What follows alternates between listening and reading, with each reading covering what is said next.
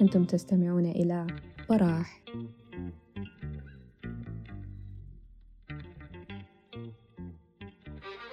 السلام عليكم. مساء الخير. مرحب بكم في براح أو ما, ما بات يعرف الآن بإذاعة براح.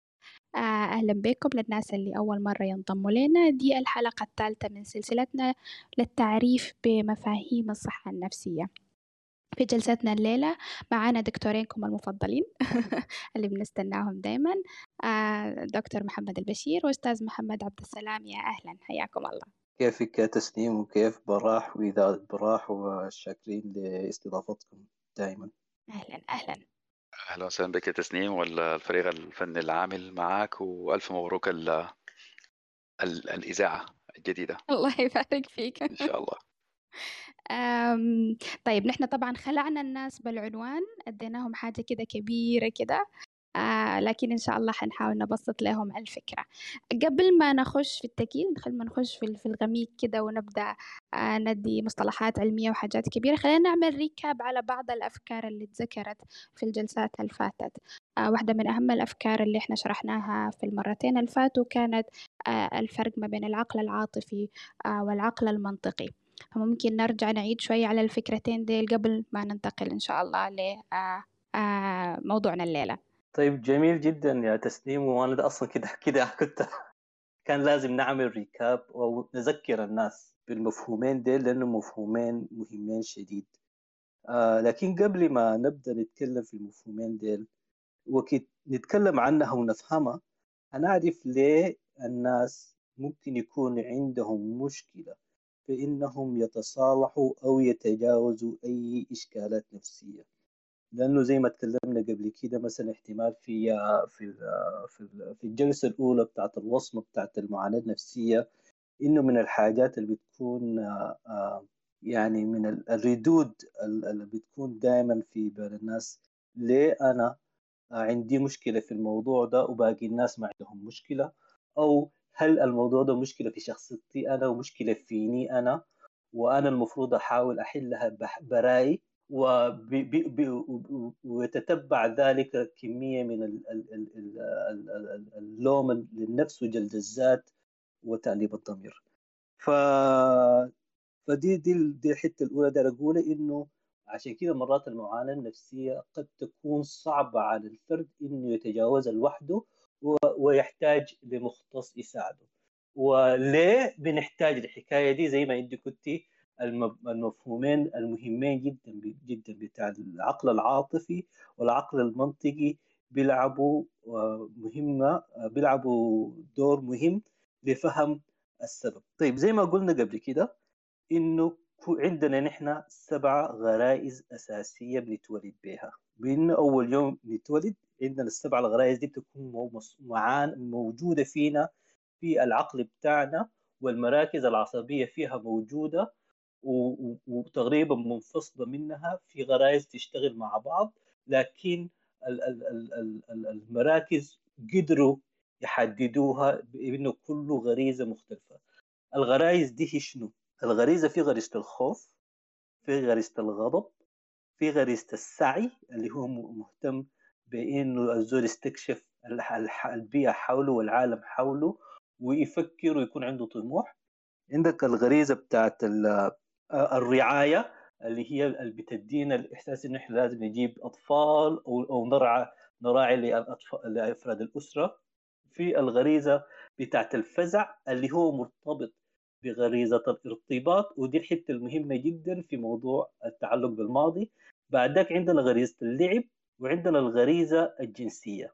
فالسبع غرائز دي, دي السبع الغرائز الأولية أي بني آدم بيتولد به وبيكون تبع عقلك العاطفي ودي العقل العاطفي ده هو الملكة اللي بيستعملها الطفل عشان يتواصل مع والدينه وأي زول بيراعي له في الفترة الأولى من حياته عشان يلبي احتياجاته النفسية والجسدية وتوفير الأمان جميل جدا. فدي النقطة الأولى إنه عندنا العقل العاطفي بيكون موجود منذ الولادة عندنا العقل المنطقي يبدأ تكوينه وقت الطفل يبدأ يتكلم عمر سنتين ونص لثلاثة ونضجه بيتم في عمر 25 سنة. فكان فإذا الناس لاحظت إنه بنلقى إنه العقل العاطفي بيكون متسيد. التكوين الهوية النفسية لفترة طويلة جدا جدا احتمال لحد فترة البلوغ. وكمية من الأشياء اللي بتحصل في الفترة الأولى قبل ما يحصل نضوج للعقل المنطقي بيحصل في العقل العاطفي وجزء كبير في العقل الباطن اللي هو نحن ما بنقدر نتذكره دي حاجة فهنا بتجي الاهميه بتاعت ال ال ال ال ال التقسيم الوظيفي للعقل العقل العاطفي والعقل المنطقي طيب في العقل العاطفي تكلمنا عن غريزة الفزع اللي هو ناتج من غريزة الارتباط. ودي نحن ممكن تكون واضحة جدا بتين بتكون واضحة جدا عند الأطفال. آه، أول يعني نقدر نشوفها بالعين يعني إنه الأطفال ممكن يكون عندهم السترينجر انزايتي أو الخوف من الغريب. ده بيحصل وقت الطفل يبدأ آه، يفرق بين يقدر يعرف الفرق بين والدينه والناس الغرباء. وكده يبتعد منهم بيبدأ يخاف وبي وبتتحرك الفزع جواه ده لأنه هو جواه بيكون عنده الاحتياج بتاع الارتباط اللي بيقول له يا أخي أنت ما حتشعر بالأمان إذا كنت مع ناس غرباء فدي بتكون بطريقة ظاهرة جدا جدا لأي زول عنده أطفال في البيت في عمر السنة لسنة من سنة لسنتين. بتقدر تشوف الحاجة دي إنه كل ما أول ما يجي زول غريب أو يجي ضيف طوالي بتلقى الطفل يكنكش في أمه أو أبوه أو إذا زوج جول غريب ممكن يبكي. فده ناتج من وجود الغريزة الغريزة آه، الأساسية بتاعت الارتباط. طيب مهمة غريزة الارتباط هي شنو؟ المهمة مهمة ضرورية جدا جدا وبيساعد على بقاء النوع. حيث إنه إذا الطفل ما تولد بالغريزة دي ما بكون عنده القدرة إنه يتواصل بملكاته العاطفية مع والدينه عشان يلبوا له احتياجاته وبموت. فدي حاجة. والحاجة الثانية إنه الحاجة دي بتتطور مع عمر الطفل وأثناء التطور ده بتتأثر بطريقة التربية بتاعت الوالدين أو طريقة ارتباطهم به إذا كان ارتباط آمن وقدروا يوفروا له بيئة آمنة الطفل حيكون عنده بالتدريج حيتبني جواه موديل بتاع إنه كيف يرتبط مع الناس بعد ما يقدر ينفصل من أم وابوه بعد ما يكبر ببساطة. إذا كان محظوظ وبعد ذاك بيكون عنده المقدرة على إنه يختار علاقات آمنة. لكن إذا لأي سبب من الأسباب حصلت مشكلة في التربية أو إذا الطفل آه، فقد والد واحد من الوالدين أو كمثال إنه كان في إهمال عاطفي أو واحد من الوالدين كان عيان.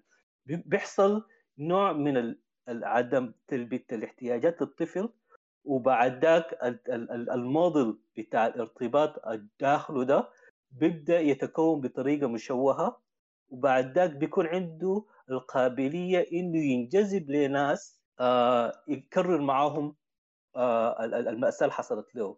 ثاني ببساطة الليلة مثلا في طفل يتربى في بيت الول الأبو بيدوب طوالي بنهر وكده بالنسبة له ده بتخيل إنه دي العلاقة طريقة التواصل دي بالتدريج بتتبني جواه كموديل كويس ولكن بتتبني جواه كموديل في في عقله الباطن لأنه الحاجة دي بتتشكل الغريزة دي محركاه.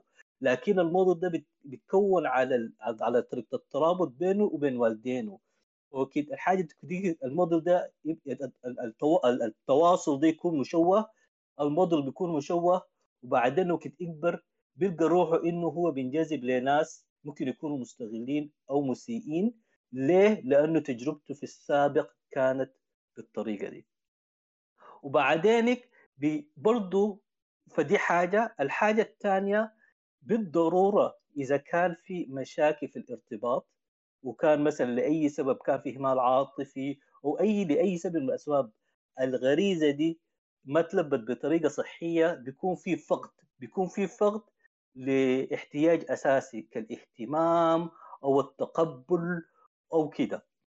وبعد ذاك الزول بيكون جواه برضه في أمنية آه غير في اللا وعي بتاعه أو في الباطن بتاعه في العقل الباطن بتاعه بحيث إنه هو بينجذب لشخصية قريبة لأمه أو أبوه بحيث إنه يكرر معاهم السيناريو أو الموديل اللي هو عاشه بأمنية إنه الحاجة اللي ما توفرت له تتوفر له في العلاقة دي. لكن للأسف الواقع ما حي...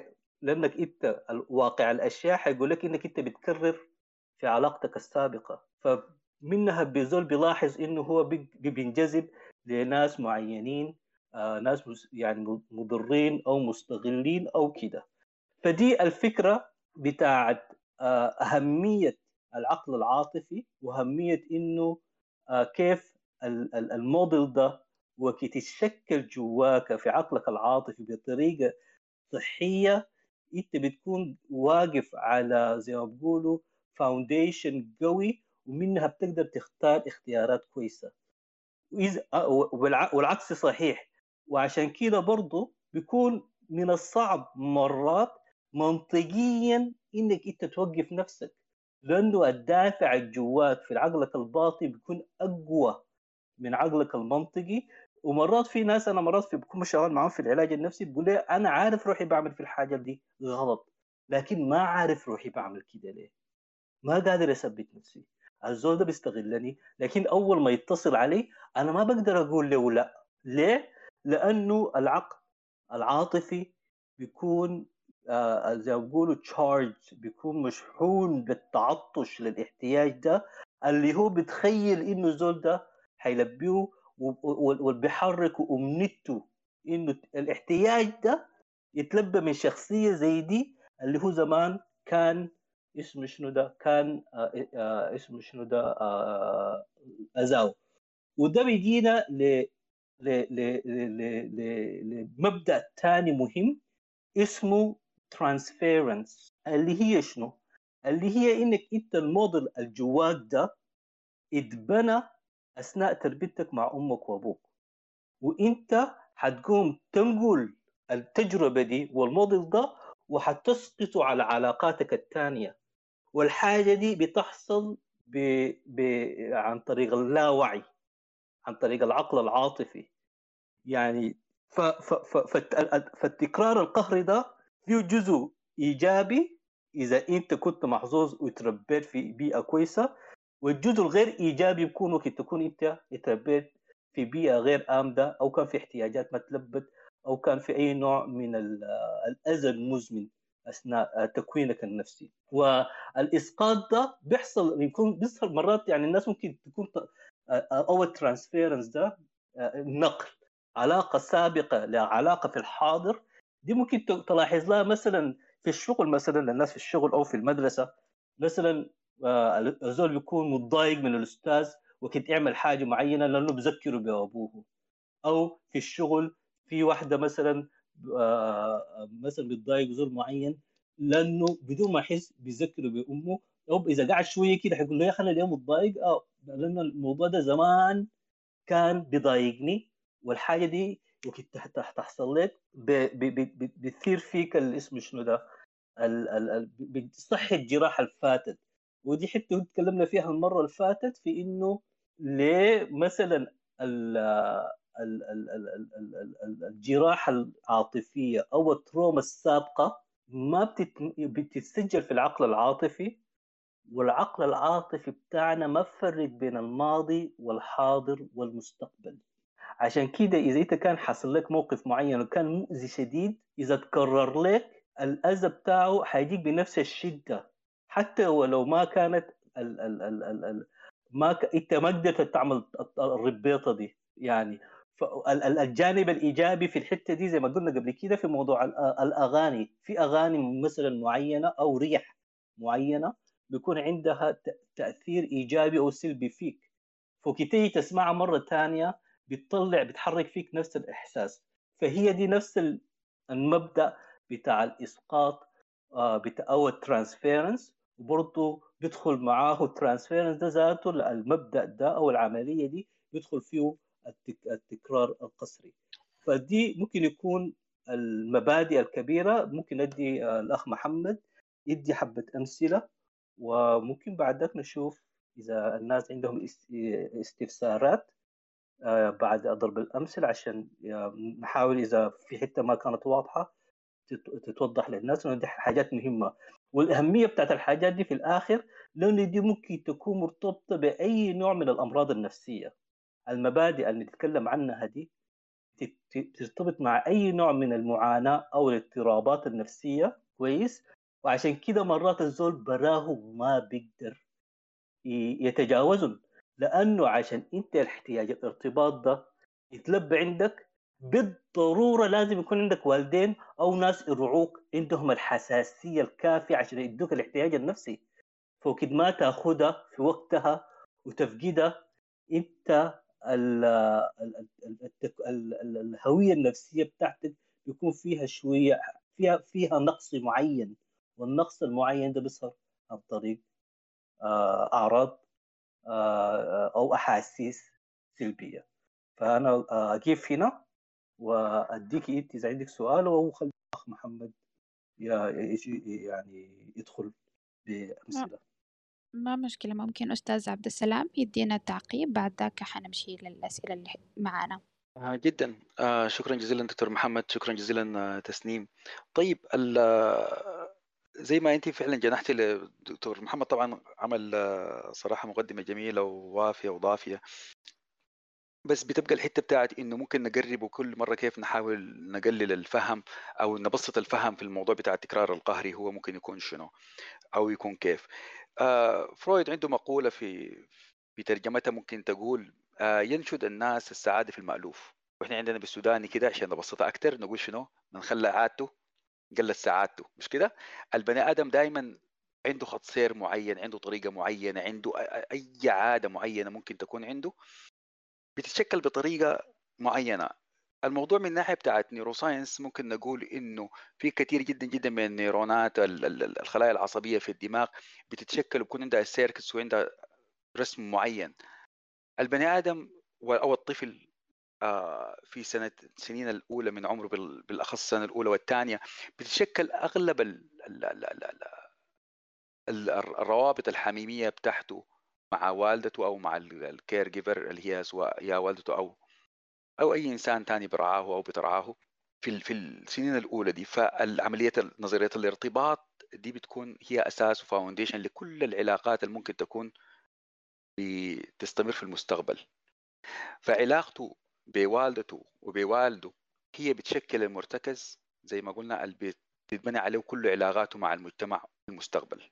طيب التعريف بتاع ظاهرة التكرار القهري ممكن نقول بكل بساطة هو شنو؟ ظاهرة نفسية بيكرر فيها الشخص حدث معين أو ظرف أو ظرف الحدث ده مرارا وتكرارا. يعني الإنسان زي ما قال دكتور البشير من غير ما يشعر بيكون هو unconsciously كده لا شعوريا.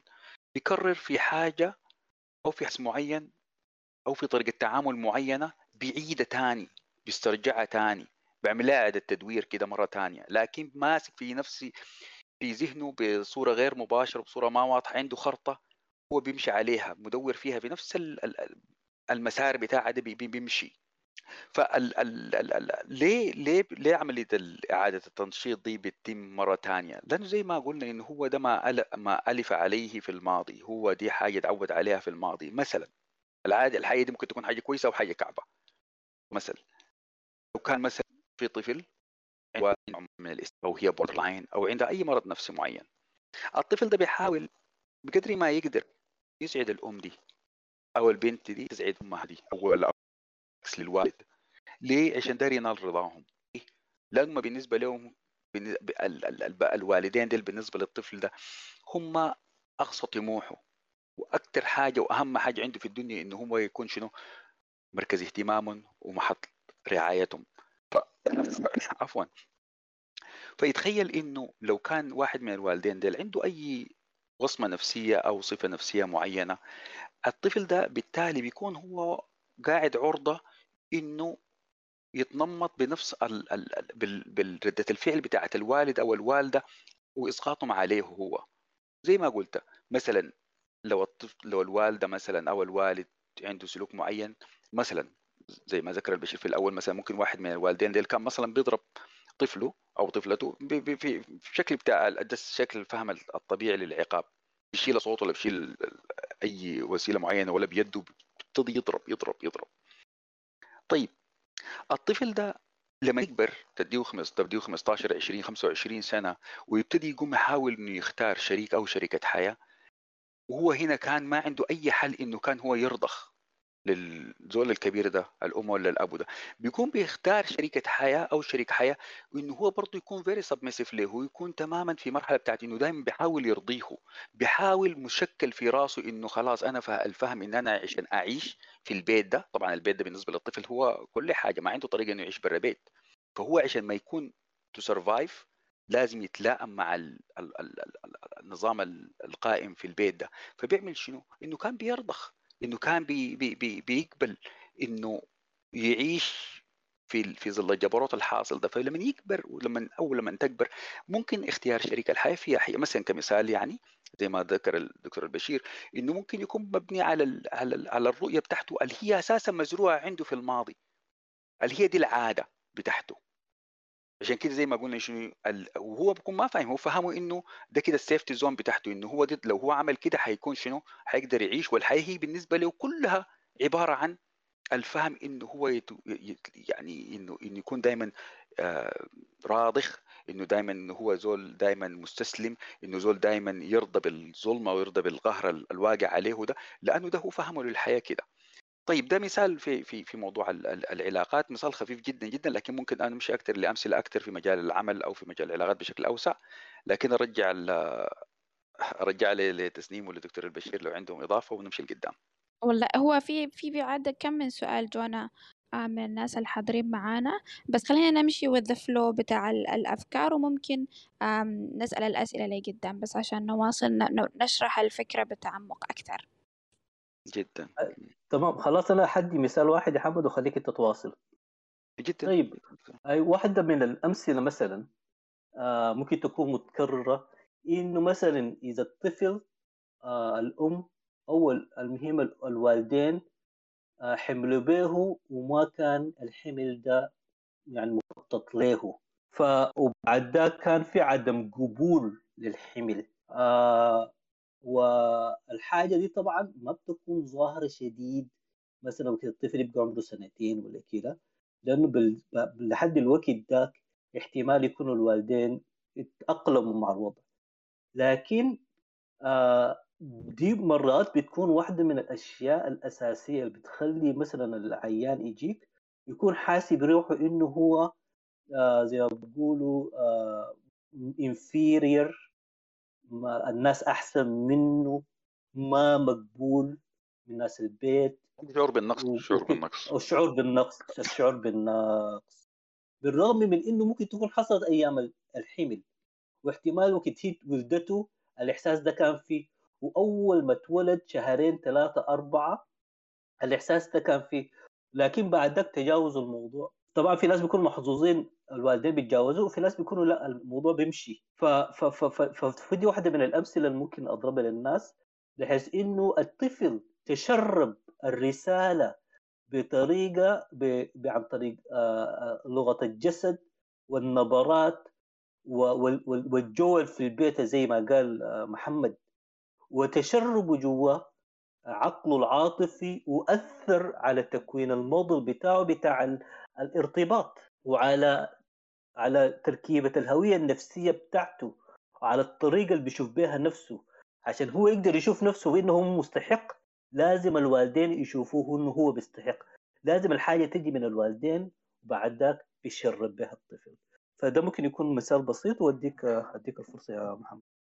قلت لك عندي سؤال على الإس... على المثال اللي اتذكر سابقا بتاع إنه الواحد في المستقبل بيفتش على علاقات تشابه الحاجة اللي هو شافها في أهله سواء من العنف أو التوبيخ أو الانتقاد. either because إنه هو شايف إنه دي الحاجة الأيديال أو because إنه هو قاعد يعيد في نفس الغلطة محاول إنه يصلحها.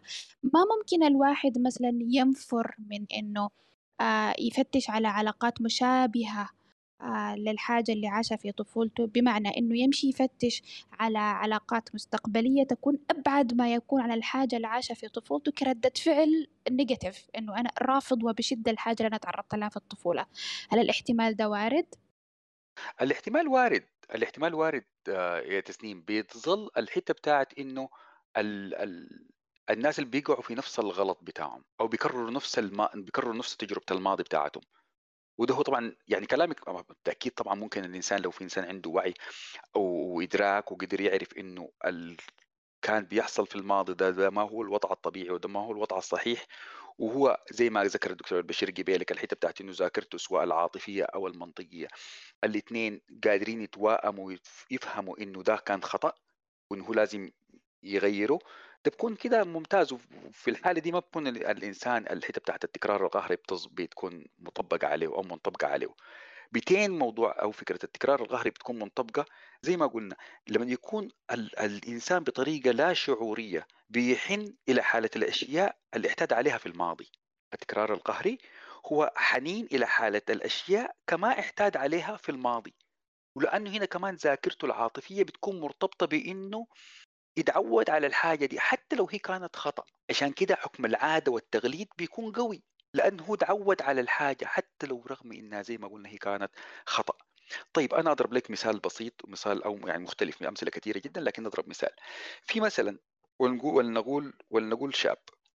كل ما يدخل في علاقة أو علاقات أول ما الأمور تمشي كويسة ويبتدي يرتبط بالانسانه المناسبة وخلاص اباوت إنه العلاقة تبقى جادة وإنه يتقدم أو يخطب أو إلى آخره يعقد هو بيقوم فجأة بيختلق مشكلة ما في ويقطع العلاقة. بعد مرات ممكن يوري الطرف الثاني الاسباب شنو؟ بعد مرات ممكن بس ينسحب انسحاب صامت. العملية دي بتكرر له مع ثلاثة أربعة خمسة علاقات وما في حاجة واضحة. بيقوم بيجيك مثلا نفرض مثلا يجيك في استشارة نفسية إنه أنا ما قادر أرتبط وأنا ما قادر وإلى آخره. طيب حاصل شنو؟ يقوم يذكر لك التاريخ اللي إحنا ذكرناه. حسي بس أنا حسب بقول المثال ده على سبيل يعني المثال ده على سبيل من أجل التوضيح يعني. فبتحس إنك لما أنت تقوم تتكلم معاه ممكن يحصل أو ممكن يظهر إنه في أحيان كثيرة جدا إنه كانت أمه مثلا بتسيبه أو أو أو بتطلع أو بتحصل لها مثلا مشكلة مثلا مع زوجها أو بسبب العمل بتطلع وبتسافر وهم نايمين مثلا وما بتجي راجعة إلا بعد أسبوع أو بعد كم يوم. أو أنا بتكلم على الوالدة والوالدة مثلا. آه، أو مثلا بتكلم على الوالد أو أبوها مثلا فهمت علي؟ يعني مثلا بيسافر من غير ما يودع ومن غير أي حاجة ويغيب له مثلا شهر شهرين ويجي راجع. أنا زي أنا ما أدري اخذ في موضوع الجندر ده أقول ده راجل أو مراه لكن أنا بس بذكر الإنسان كإنسان يعني هنا في الحالة دي. فاللي بيحصل شنو؟ اللي بيحصل إنه الإنسان الشاب ده أساسا يتعود على غياب غير ممرحل وغير مدرج وغير مفهوم لوالدته. ممكن يكون كان لأنه عندها خلافات مثلا مع زوجها مثلا. فاللي بيحصل إنه تعرضه للضغوطات النفسية دي في في طفولته وإنه هو ما قادر يفهم بطفله بإدراكه البسيط إنه بيحصل شنو كل اللي بيلقاه قدامه إنه في وضع مختل وضع ما طبيعي. بيقوم بيعمل شنو؟ بيبتدي إنه يسترجع نفس تجارب الماضي دي وبحاول يكرر نفسها. ومن هنا يا إخوان أجى المفهوم والكلمة بتاعت التكرار القهري.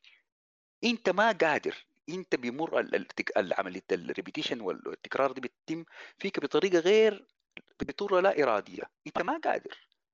لكن أنت في نفس الوقت عندك tendency وعندك ميول كبير جدا جدا إنك أنت تعيد الحصل ده. فبالتالي مثلا أنت بتقوم بتخش في علاقة والبنت بتكون شابة ممتازة جدا جدا وما في أي عيب وحتى لو حصلت مشاكل مشاكل ممكن تتجاوزها بكل بساطة لكن أنت بتتزرع وبتحاول تختفي بنفس الطريقة. اللي اختفت بها مثلا لو هو رجل لو هو رجل أو شاب اختفت بها والدتك أو لو كان لو كانت هي شابة بنفس الطريقة اللي اختفى بها والده وبتحاول يعيد نفس التجربة في في علاقات مختلفة. فالميزة بتاعت العلاج النفسي بتكون شنو؟ من غير ما انت ترجع وتشوف أصل المشكلة وتبتدي ترجع لأغوارها ولأعماقها ولماضيها وتشوف إنه زمان الحصل شنو. فمن هناك هو اللي يبتدي يدرك بعقله الواعي إنه الأشياء اللي كانت مر به دي نتيجة لاسباب ولظروف أسرية معينة يبتدي هنا عقله الواعي يدرك بعد كده هنا العقل اللاواعي ممكن في أحيان كثيرة جدا جدا يوقف تكرار ما كان ما لزم تكراره بطريقة قهرية. زي ما قلت حسن إحنا حنضرب مثال معلش في جانب العلاقات بعد شوي ممكن نضرب مثال في جانب العمل وفي جوانب ثانية لكن أخلي أخلي دكتور البشير لو عنده تعقيب. لا لا أنت. ده مثال مثالك ده مثالك جميل جدا وقوي. آه لكن أرجع للسؤال اللي سألتيه يا تسنيم. آه طبيعة الأشياء يا تسنيم عشان الط- ال- الطفل آه هويته النفسية تتشكل بطريقة آمنة لازم يكون في زول جنبك بيدعمك بيربي فيك آه، سايقك منك كان أبو كان أم كان جد كان خال كان وتفر فالزول كان عنده مثلا نقول إذا كان أب... أمه وأبوه كانوا ما ما, ما ربوه كويس.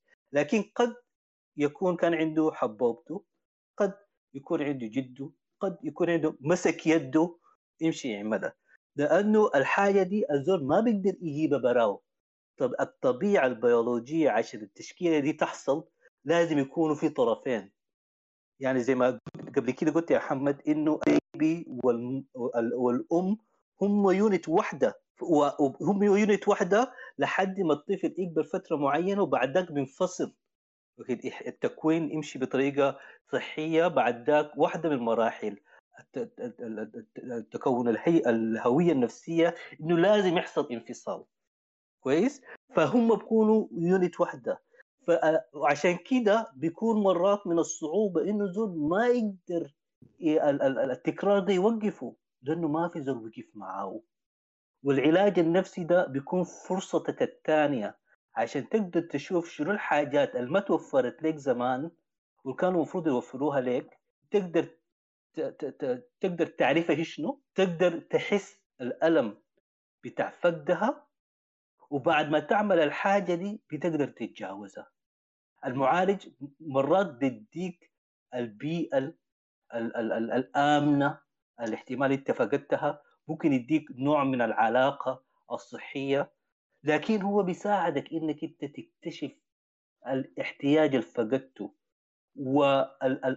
والسرديه النفسية ذا ناريتيف وتجي بالطريقة دي بتطلعها من عقلك الباطن وبتخدها لعقلك الواعي وبعد ذاك بتقدر تحرك مصادرك الذاتية وتمشي لقدام. فدي حاجة. الحاجة الثانية في مثال محمد انت كان ملاحظين الزول ده كان عنده قدرة إنه آه ينجذب لزوله ويدخل معها حتة حميمية معينة لكن وكده أول ما يصل حتة الاعتماد العاطفي يصل الخضة طوالي بنط بنط ليه؟ لأنه في عقله العاطفي نسبة لل- للموديل اللي يتكون جواه المشوه إنه أنا أول ما أبدأ أعتمد عليه عليها حتخليني. ودي سردته دي قصته. إنه أول ما كان في فترة من الفترات بدأ يعتمد على أمه وأبوه خلوه بطريقة زي ما بيقولوا عشوائية. بدون مراعاة لاحتياجاته. فهو بدل ما وبيعملها بدون ما يحس طبعا. هو بيكون حاسس إنه في خطر جاية ودكتور بشير في حاجة باي ذا ممكن هو الخطر اللي إحنا مسمينه حسي خطر ظاهريا ده هو بالنسبة له هي أك... هي دي الحميمية انه إنه هو مثلا إنه الزوله دي حيرتبط بها وحيحبها وإنه ممكن هو يحبها وهي تحبه لكن هو أساسا البلو برنت بتاعه أو ال... ال... ال- التاريخ بتاعه أو زي ما أنت قلت السردية بتاعته هو فوقه فشل وفوقه انقطاع ما فوقه استمرارية وفوقه ديمومة فهو الليلة كونه يرتبط بإنسانة بالنسبة له ده بشكل له عامل خطر وهاجس وخوف. ففي أحيان كثيرة ففي أحيان كثيرة جدا ممكن إحنا طوالي على طول حنقوم شنو؟ حنلوم الولد وحنلوم أو حنلوم الإنسان اللي بيقطع وبيختلف فجأة. لكن هو ذاته ممكن يكون زي ما قلنا ممكن يكون غلطان في الظاهر لكن هو أيضا ضحية لشنو يا إخواننا؟ لتاريخ معين. لأنه هو الليلة في حياته ما شاف ممكن يكون في حميمية أو في حياة ممكن تكون فيها استمرارية هو شاف انقطاع وعدم عدم عدم استقرار منزلي وعاطفي وحب واهتمام ورحمة وإلى آخره من أشياء. الأشياء دي بالنسبة له بتشكل له خطر هو ما عارف هناك في شنو. فهو كل ما يمشي زي الإنسان عايش في صراع ما بين إنه يعيش حياة الماضي وي stuck بيها. عشان كده دايما يقول لك الزول يا أخي أنا م stuck تلقاه م stuck في أي حاجة في whatever يعني. حتى زي ما قلت لك ممكن نضرب مثال على المجال الأكاديمي أو نطاق العمل. لكن حتى إحنا في الإطار العاطفي فهو بتلقاه انه هو ما قادر يمشي لقدام بالعلاقة دي. لأنه خوفه من إنها هي حتى إنها تنجح. فالنجاح في حد نفسه بشكل له خطر ليه يا إخواننا؟ لأنه هو اعتاد على الفشل. الطريقة اللي تربى بها فيها مشاكل فيها disturbance فيها عدم استقرار فيها إلى آخره.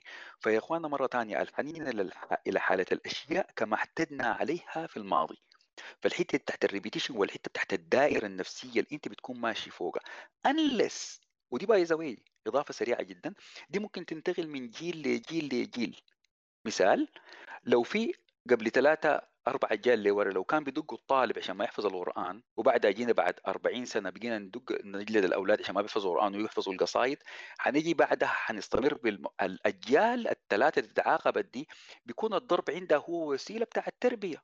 انلس إنه يجي ويكسر القاعدة ويوقف إنه يقول لا هنا كده خلاص لحد هنا وكفاية لازم نوقف. نحن نشوف مقدرات الطفل العقلية شنو؟ في زول بيحفظ في في في في في يوم في واحد بيحفظ في خمسة يوم. هل نحن حنساوي بيناتهم وحنبتدي نضرب طوالي ثاني يوم ما جا حفظ القصيدة وحفظ المحفوظة؟ فالليلة بنلقى يا اخواننا في أشياء كثيرة جدا جدا. حتى في العملية التعليمية بتاعتنا هي خاطئة لنفس الفهم ده. إنه إحنا بنكرر في الماضي بتاعنا. حتى على ضربناه على نطاق فردي. في طبعا اخواننا على نطاق مجتمعي ممكن تكون فيه وحتى على نطاق سياسي ممكن تكون فيه. لكن حاسس إحنا الليلة دايرين نتكلم على الإطار النفسي فقط يعني من أجل الحصر يعني. تفضل يا دكتور البشر لا أنا أنا أي حزيد إنه كان لاحظته في المثال اللي ضربه محمد الحميمية هي الحتة هو التطور الطبيعي بتاعت العلاقة العاطفية. اللي هي كان مفروض يصلها الطفل مع والدينه والطفل مع والدينه بيكون في حميمية لازم يعني بيتعلم الحميمية من حميميته مع والدينه. فالتطور الطبيعي من علاقته مع الزولة في العلاقة العاطفية دي لأنه هو كل ما يصل الحتة دي بيحصل لها شنو؟ بتحصل لها إشكال. بيحصل بيحصل ألم من فقدانه. فكل ما يقرب منها بد... وهو بيتصور إنه هي حتخليه فيقول يا أخي أنا هم أنا اخليه عشان كفى المؤمنين شر القتال. فهمت يعني defensively defensively بيعملوا ك defensive exactly exactly بطريقة بدون ما يحس. وهو ما يعني حيتذكر. أيوه نعم. وحاجة مهمة. ال ال ال ال ال ال الاذى النفسي الحصل للشخص ما حيتذكره. حيتذكره بالأفعال بالتكرار القسري ده. ودي الحتة اللي بيساعدوا فيها المعالج النفسي. نحن في العلاج النفسي زي ما قال محمد آه بيدخل في الحتة الآمنة لكن واحدة من الحاجات المهمة بنشتغل عليهم نكون منتبهين لها الحميمية دي لأنه بتجي بتلقى العلاقة العلاجية علاقة حميمية. واحدة من الحاجات اللي ممكن بنقوم بن بن بن بن زي ما نقول بنوفرها للزول أو العميل اللي بيجي يشتغل معانا الحميمية دي وبنكون حساسين جدا لفكره إنه كيف العميل أو الزول اللي بيجي بنشتغل معه بيتعامل معاها وكيف إنه هل هو عنده عنده عنده عنده تردد ولا ما بيقدر ولا كل ما تدخل فيها بيقوم بزوغ منها فدي واحدة من الحاجات من التكنيكس اللي بنستعملها. وعلى هذا قس يعني أي مرحلة نفسية المفروض الزول مر بها مع والدينه وقت يجي يحاول يعيدها مثلا في حياته لاحقا وبعدين محمد ممكن يدينا أمثلة في الشغل مثلا في الامتحانات في الكده بيدخل في نفس حتى حتى حتى أديك أديك الفرصة أديك الفرصة أيوه أيوه أيوه مثلا إضافة سريعة جدا. مثلا إنه عينا مثلا الفهم السادي ال sadomasochism أو الفهم بتاع جلد الذات أو عقاب الذات أو تعذيب الذات. okay؟ ال sadomasochism وفي ال sado في, ال... في, ال... في الإنسان بيعذب أيوة. ذاته. في إنسان بيحب يتعذب بيتلذذ أيوة. بعذاب الآخرين. تفضل. حتة حتة حتة واحدة يا محمد. الجلد الذات دي ما حاجة موجودة جوانا. دي حاجة بنشربها بين الناس اللي حوالينا. يتفضل يا ابو حميد أيوه أيوه بالضبط كده. وهي طبعا عندها الاثنين عندهم علاقة فهمت؟ بالمراحل الطفولية والتطور ال developmental stages أو المراحل بتاعة تطور الطفل. مثال بسيط. نحن زي ما ذكرنا في المثال بتاع قبيله كنا نحاول نعمق فوقه أكثر إنه الطفل اللي كان ناشئ في جو أسري فوقه شوية ألغام وفوقه مشاكل وفوقه عدم استقرار وإلى آخره. ممكن قلنا الزول ده بعد ما يكبر بعد 15 20 25 30 سنة قلنا قام هو ولا هي تركوا الطرف الآخر بطريقة ما مفهومة وطريقة مبهمة. زي ما بقول لك ما كان في كلوجر اللي بيحصل شنو منها؟ زي ما قلنا لأنه هو ما شاف السعادة وشاف الاستمرارية وشاف الاستقرار في بيته دي حاجة واحدة لكن أضيف لها حاجة ثانية إنه ال suffering والألم والعناء اللي كان بمر به مثلا الوالدة نتيجة هجران الزوج ده مثلا. الليلة هنا الشاب ده لما يكبر بيكون عاوز يكرر نفس الحاجة مع شابة تانية عشان تشعر بنفس الألم اللي هي شعرت به والدته. تصور يا دكتور بشير فهي ممكن الموضوع ده ممكن يكون عنده multiple facets يعني بتشكل عنده أوجه كثيره جدا جدا لعمليه التنزيل والتطبيق بتاعته على الحياة حياتنا العادية. فمرة ثانية يا جماعة هو ممكن يكون ده غلط لكن زي ما قلت لكم ما ننسى ينشد الإنسان السعادة في المألوف. هو الإنسان ده شاف كده. شاف أبوه مثلا أضرب مثال عشان نطلع من موضوع العواطف شوية نطلع نخش في موضوع العمل مثلا. ممكن يكون الإنسان شاف ابو very abusive father ابو tough ناشف جاف جدا جدا. والولد عشان كان يعيش في الظرف الرهيب والقوي ده ما كان عنده حل إلا إنه شنو يرضخ عشان يتلائم عشان يقدر يعيش. قام بعد 20 30 سنة مش هيشتغل. هيشتغل في شنو؟ هيشتغل في شركة. يشتغل في شركة البوس بتاعه ولا مديره نفس الشخصية بتاعت والده رغم إنه ممكن يكون الزول ده كواليفايد والزول ده ممكن يقدم لوظائف ثانية كثيره جدا جدا وممكن يطلع لكن ما داير يطلع. يعيد نفس التجربة تحت البيت اللي ما كان قادر يطلع منه وهو طفل ويعيد نفس التجربة تحت الوالد القاسي مع مدير قاسي لا يفهم شيء أو قد يفهم لكن تعامله ما محترم وما جميل على الإطلاق. بيعمل له نوع من ال humiliation نوع من الايذاء النفسي. لكن هو قادر شنو؟ في داخله هو مستمر وداير يقعد وما عنده أي مشكلة في نفس الوقت لأنه هو قاعد في حتة بتاعت conflict ما بين صراع ما بين ده ما اعتاد عليه إخواننا ودي هنا قلنا مشكلة العملية بتاعت شنو؟ إنه هو دي ال adaptation وال mechanism تحته إنه كان يعيش تحت الضغط النفسي الرهيب ده. وهو هنا بيعيد في نفس التجربة بتاعت الماضي بتاعته وعملية بتاعت التكرار دي بتظهر. وليه يا اخواننا كلمة قهري مرة ثانية لأنه هو بيعملها بطريقة unconscious كلمة القهر جات من هنا انه هي في طريقة إن هي بالإنجليزي repetition compulsion عملية إن هي بتتم بطريقة غير واعية. هو ما قادر يدرك ليه هو بيعمل كده. يا أخي أنت ممكن تتحرر وتقدم وتمشي في حتة ثانية لكن لا. هو عاوز يعيش في الوظيفة الظرف وأنا عندي في في في في في مريض كنت بشوفه من لحد لحد الآن أنا بشوفه. ونقول الزول ده مثلا اسمه Mister Mister X Mister X ده آه شغال في شركة. الشركة دي هي آه شركة يعني ناشئة بالمناسبة بالمناسبة يا محمد بس دارين نذكر انه الناس إنه نحن إذا استعملنا أي عيان بيقوم بن بن بنحول المعلومات بتاعته فالمعلومات اللي بيقول فيها محمد دي ما معلوماته الحقيقية. عشان نخفي التفاصيل يعني عشان نحافظ على لا لا بالتأكيد ما معلومات حقيقية آه. لو كنت قلت لكم قلت لكم واحد معناها حتكون واحدة ولو قلت لكم اسمه إكس حيكون اسمه عبد الله لا لا بس عشان عشان الناس تطمن انه نحن بنحافظ على خصوصية الناس أي. أي. بالتأكيد تفضل. فهو شاب مؤهل جدا جدا آه، اكاديميا وعنده مقدرات ما سهلة آه، أبوه كان آه، ناجح جدا جدا في حياته لكن عمل له حادث فاضطر إنه الأبو ده يقعد. يقعد في كرسي آه، كرسي متحرك. فرغم إنه كان ممكن يواصل عمله لأنه عمله إداري كان ممكن يواصل عمله في الكرسي بتاعه حصلت له فيه نتيجه مشكلة في في في ظهره. فإلى آخره فقام ال- الوالد اضطر إنه يقعد في البيت وع- وعطل العمل وما اشتغل وظل قاعد في البيت. أصبح إنه الولد ده بالنسبة له منع الولد ده أو ابنه ده في الوقت ذاك من إنه يعمل أي يمارس أي رياضة أو إنه يطلع يشوف أصحابه بس يمشي يقرأ ويمشي المدرسة ويجي راجع. الطفل نشأ كبر وطفل وحيد بعد 20 30 سنة ارتبط. لما جاء آه، اشتكى من المشكلة إنه زوجته حامل وهو خايف جدا جدا إنه يربي ولده وحيربي ولده كيف. ف وفي نفس الوقت شغال في شركة والشركة دي فيها نفس النظام اللي إحنا قلناه نفس فلسفة الابو ما عاوزين يعملوا له بروموشن رغم نجاحه وإمكانياته الضخمة وهو ما قادر يطلع لأنه حاسس إنه ده كده الوضع المثالي بالنسبة له. هو شايف فرص وبيتكلم مع أصدقائه وممكن يقدم لشركات تانية أحسن وياخذ راتب أحسن لكن هو ما قادر. هو نفسيا ما قادر هو مستكي ومتعلق. كلمة مستكي دي يا اخوانا متعلق ممكن نقولها يعني بغض النظر ده ممكن يكون في تعلق تعلق سالب يعني لكن هو مستكي في منطقة في, في مع الشركة دي وما قادر يطلع منها. هو ما في زول مانعه لكن هو مانع نفسه هو حارم نفسه من إنه يتطور. ويستمتع وبيتلذذ بتعذيب الشركة أو المدير بتاعه ده له هو وبيذكره تماما. تعذيب والده وحرمان والده إنه يلعب مع أصحابه ويلعب في الحلة وإلى آخره وفي الحي بتاعهم و... وكان بيخليه قاعد في البيت في أغلب الأحيان عشان ما يعمل الهوم ورك بتاعته حتى في ال... في في عطلات نهاية الأسبوع. فده مثال حي جدا جدا يا جماعة لأنه العملية بتاعت إنه التاريخ بيعيد نفسه ما على مستوى الحضارات ولا على مستوى الأمم لكن على مستوى الأفراد نفسهم.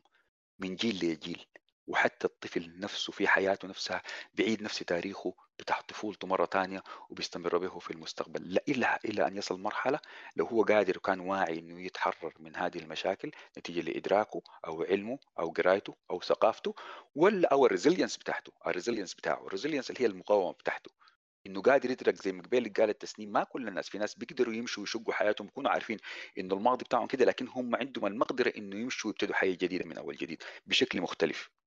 ويخلوا الماضي يكون شنو؟ مرتبط بهم أو واقعين تحت سيطرته. لكن الماضي بيخلي الواحد يقع تحت سيطرته وبيفرض ظرفه عليه وأحداثه عليه ده اللي بنسميه التكرار القهري. فبنلقاه إنه هو في عمله مستمر مع نفس الشركة. فمن خلال العمل والحمد لله رب العالمين قدر أو قدرنا مع بعض إنه آه يدرك إمكانياته شنو ويدرك ليه من خلال إنه في تغييم جديد حصل له ما العلاج النفسي بيعمل شنو؟ زي يا اخواننا ما قلنا الرحمة والمعرفة والتفاهم هم أساس التواصل الإنساني واهم مرتكزات العلاج النفسي، يعني في العلاج النفسي بيحصل شنو؟ بيت زي ما قال ذكر الدكتور البشير بيحصل نوع من الرحمة أو الحميمية اللي هو كان فاقدها الشخص المعي أو المريض في مرحلة من مراحل حياته من خلال تعامله مع المعالج النفسي بيحصل عملية بتاعت شنو؟ بتاعت الفقد اللي كان ناقصه من خلال مثلا الثقة في نفسه أو إنه هو إنسان بيسوى شيء لأنه في أحيان كثيره جدا جدا الناس اللي بيكونوا عندهم أشياء زي بتاعت مثلا مثال أنا ذكرته حسي بيكون عندهم very low self esteem فمحمد ال low self esteem شنو بالعربي؟ ضعف الثقة آه. بالنفس ضعف الثقه في النفس مثلا أو أو أو أيوه مثلا. فبتلقاه إنه ما قادر لأنه عنده إمكانيات ضخمة. هو مؤهلاته الجامعية قوية لكن هو مؤهلاته النفسية ضعيفة جدا. فما قادر يتخذ أي خطوات إنه هو يكون شنو؟ يكون يضع نفسه في المكان الصحيح. ليه؟ لأنه أبوه ما كان مقيم التقييم الصحيح. قادرين نربط حسي دلوقتي كده كيف؟ لأنه والده ما كان مقيم التقييم الصحيح. لما كبر بعد 30 سنة ولا 20 سنة رغم مؤهلاته العلمية والجامعية والأكاديمية هو ما قادر يقدم لشركة ويمشي لقدام. من خلال العلاج النفسي وبحمد الله سبحانه وتعالى الراي اللي قدم لواحدة من من مؤسسات كبيرة جدا جدا. وفي ال interview الحمد لله رب العالمين كان أو طلع أحسن واحد. هو the first interviewer طلع. لكن ما قادر يتخيل انه هو كان ممكن ينجح وحتى لما نجح وفي ال interview كان مقلق جدا جدا. ليه؟ لأنه ما كان متعود على النجاح. لأنه حسي من خلال العلاج النفسي بيحاول يرسم له خارطة عمل وخارطه حياة جديدة. فيها نجاح وفيها إنجاز وفيها تقدم وفيها ثقه بالنفس عكس الماضي بتاعه. فهو حسي يكون واقع شنو؟ نتيجة وضحية لصراع ما بين ماضيه وما بين مستقبل ما بين حاضره ومستقبله. وده يا إخواننا واحدة من أهم أطر العلاج النفسي إنه بنفصل الماضي من الحاضر الحاضر ال ال الإنسان وبنفصل الوهم والخيالات من ال ال ال ال ال الواقع بتاعه. بنفصل الماضي من الحاضر وبنفصل الخيال من الواقع. ف... فأنت بتحاول بترسم له مستقبل جديد بتخطط معه لمستقبل ممكن يكون جديد ما عنده علاقة بالماضي بتاعه بتحاول تخليه إنه يوعى وبتساعد وبتساعده يا محمد بتساعده إنه الزول عشان هويته النفسية دي تتشكل بطريقة صحية لازم الوالدين يملكوه يخلوه يتملك إمكانياته. كان ثقة بالنفس كان إمكانياته الجسدية كان إمكانياته العاطفية. ودي أنت الواضح إنك أنت في المثال ده ساعدته إنه يفرق بين الماضي والحاضر وإنه يتملك قدرته. الما قدر يتملكها أثناء ما كان هو يتربى زمان. بالضبط كده بالضبط ما هو هو ودي في واحدة من زي ما قلت لك يا محمد الحتة بتاعت الحميمية دي واحدة من أهم مرتكزات العلاج النفسي يا إخوان الموضوع هو ما موضوع بتاع إنك حتمشي جامعة وتحصل على شهادات أو تحصل ويكون عندك وسائل وطرق هي عملية العلاج النفسي أو أساليب أو ال modalities بتاعتها. واحدة من من أهم خصائص أو أو أو شروط في المعالج النفسي إنه يكون إنسان عنده قدر عالي جدا من الحساسية وقدر عالي جدا جدا من العطاء ومقدرة كبيرة جدا جدا إنه يوفر ويتيح نفسه بمساعدة الإنسان الآخر. لأنه بعد مرات لما نتكلم عن ال relational theory هي بتكون مبنية على العلاقات. لأنه يا اخواننا هو الشاب ده أو الإنسان ده فقد في مرحلة من مراحل حياته المهمة جدا فقد علاقة من نوع أو شكل من أشكال العلاقة الإنسانية والعلاقات الإنسانية.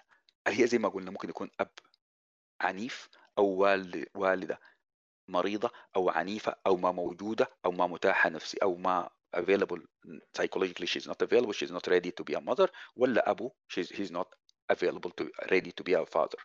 فبيحصل شنو؟ بيحصل إنه بيقوم بيقوم بيكبر لكن بيكون فوقه نواقص بالذات من ناحية نفسية.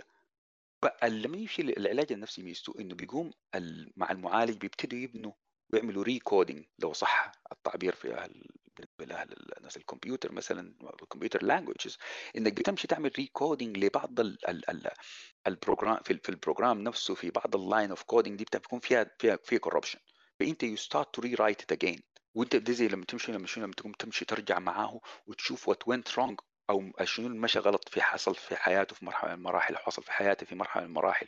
وتبتدي شنو؟ ترجع وتمشي لقدام. فشوية شوية بيحصل شنو؟ سبحان الله زي ما أنت بتزور في الماضي بتحس انه واقع المريض ابتدى يتغير. كل ما تزور في الماضي وتحاول تعالج في ما تم تخريبه بطريقة مباشرة أو غير مباشرة بطريقة مقصودة أو غير مقصودة بتحاول بتحس أو بت... هي هو بحس أو هي بتحس بإنه في تطور وتغيير حصل في حياته ال... الآن. فبالتأكيد نحن نقدر نقول شنو؟ ما حيربي المريض اللي تكلمنا عليه مستر إكس ده ما حيربي ولده بنفس الطريقة اللي تربى بها هو إذا نجح العلاج النفسي. فهي تمام فهي جدا. فهي دي الفكرة. أيوه نعم بشكل آه تمام جدا. أنا قربنا على الساعة لكن داير أختم ساعتنا دي ونشوف إذا الناس عندهم اسئله باقتباس من أنا عارفكم يا ناس البراح بتحبوا الطيب صالح جدا. آه دي في روايته بتاعت أظن آه آه حامد محيميد بيتكلم مع وتحامد. أي. محيميد بيتكلم مع أبو المراسي أفتكر. قال له الزمن ده كله وأنا صار الحكاية في قلبي عاوز أحكيها لإنسان. مو محجوب. محجوب عارفها وعارف أكثر منها. لا إنسان تاني عنده الرحمة وعنده الفهم. عارف شيء وغابي منه شيء إنسان مثلك يا محيميد وكمان أنت عندك طبيعة تخلي الواحد يقول لك الكلام اللي أصله ما قاله لجنس إنسان. أنا افتكر الطيب صالح خدت الحكاية دي وصف بطريقة جزء من الشغل اللي إحنا بنشتغله. إنه وفي احتياج إنه زول داير يشارك قصته وسردته مع زول تاني بطريقة حميمية. فنشوف إذا في أسئلة ولا كده. عشان ما أنا محمد كان كان كان كان فكونا نقف آه والله هو في أسئلة كثيرة جاتنا في النصية لكن أنا ما كنت حابة أقطعكم. تمام. السؤال إنه نحن لما كنا بنتكلم عن الحتة بتاعة جلد الذات وإنه السلوك بتاع جلد الذات هو حاجة مكتسبة. آه هل ممكن ندي توضيح أكتر لأن إحنا قاصدين شنو بإنه جلد الذات حاجة مكتسبة؟ أوكي طيب. ال... نرجع مرة ثانية للأسباب بتاعت جلد الذات. وزي ما قلنا العملية بتاعة التربية التربية اللي فيها نوع التربية الخاطئة أو فيها ما تربية نفسية سليمة؟ بيظل الطفل هو بيحاول وأنا أضرب مثال عشان أوضح أكثر قلنا مثلا في أم مثلا ممكن يكون يكون عندها يكون عندها depression depressed mother نتيجة لأسباب معينة ممكن يكون خلافاتها مع أمها أو أبوها هي نفسها أو خلافاتها مع زوجها. كويس. أو نتيجة مثلا إنها خلافاتها مع نفسها بمعنى إن هي حابة إنها تواصل ال career بتاعها ومستقبلها المهني لكن حصل إنها قامت حملت في طفل جاء فالطفل ده دائما بيكون الأم ما قدرت تديه كل العطاء المفروض تديه أي أم في الدنيا. ليه؟ نتيجة لأسباب خاصة زي ما ذكرناها مسبقا. هي depressed نتيجة لمشاكل معينة أو مشكلتها هي مع ذاتها نفسها في حد نفسها يعني.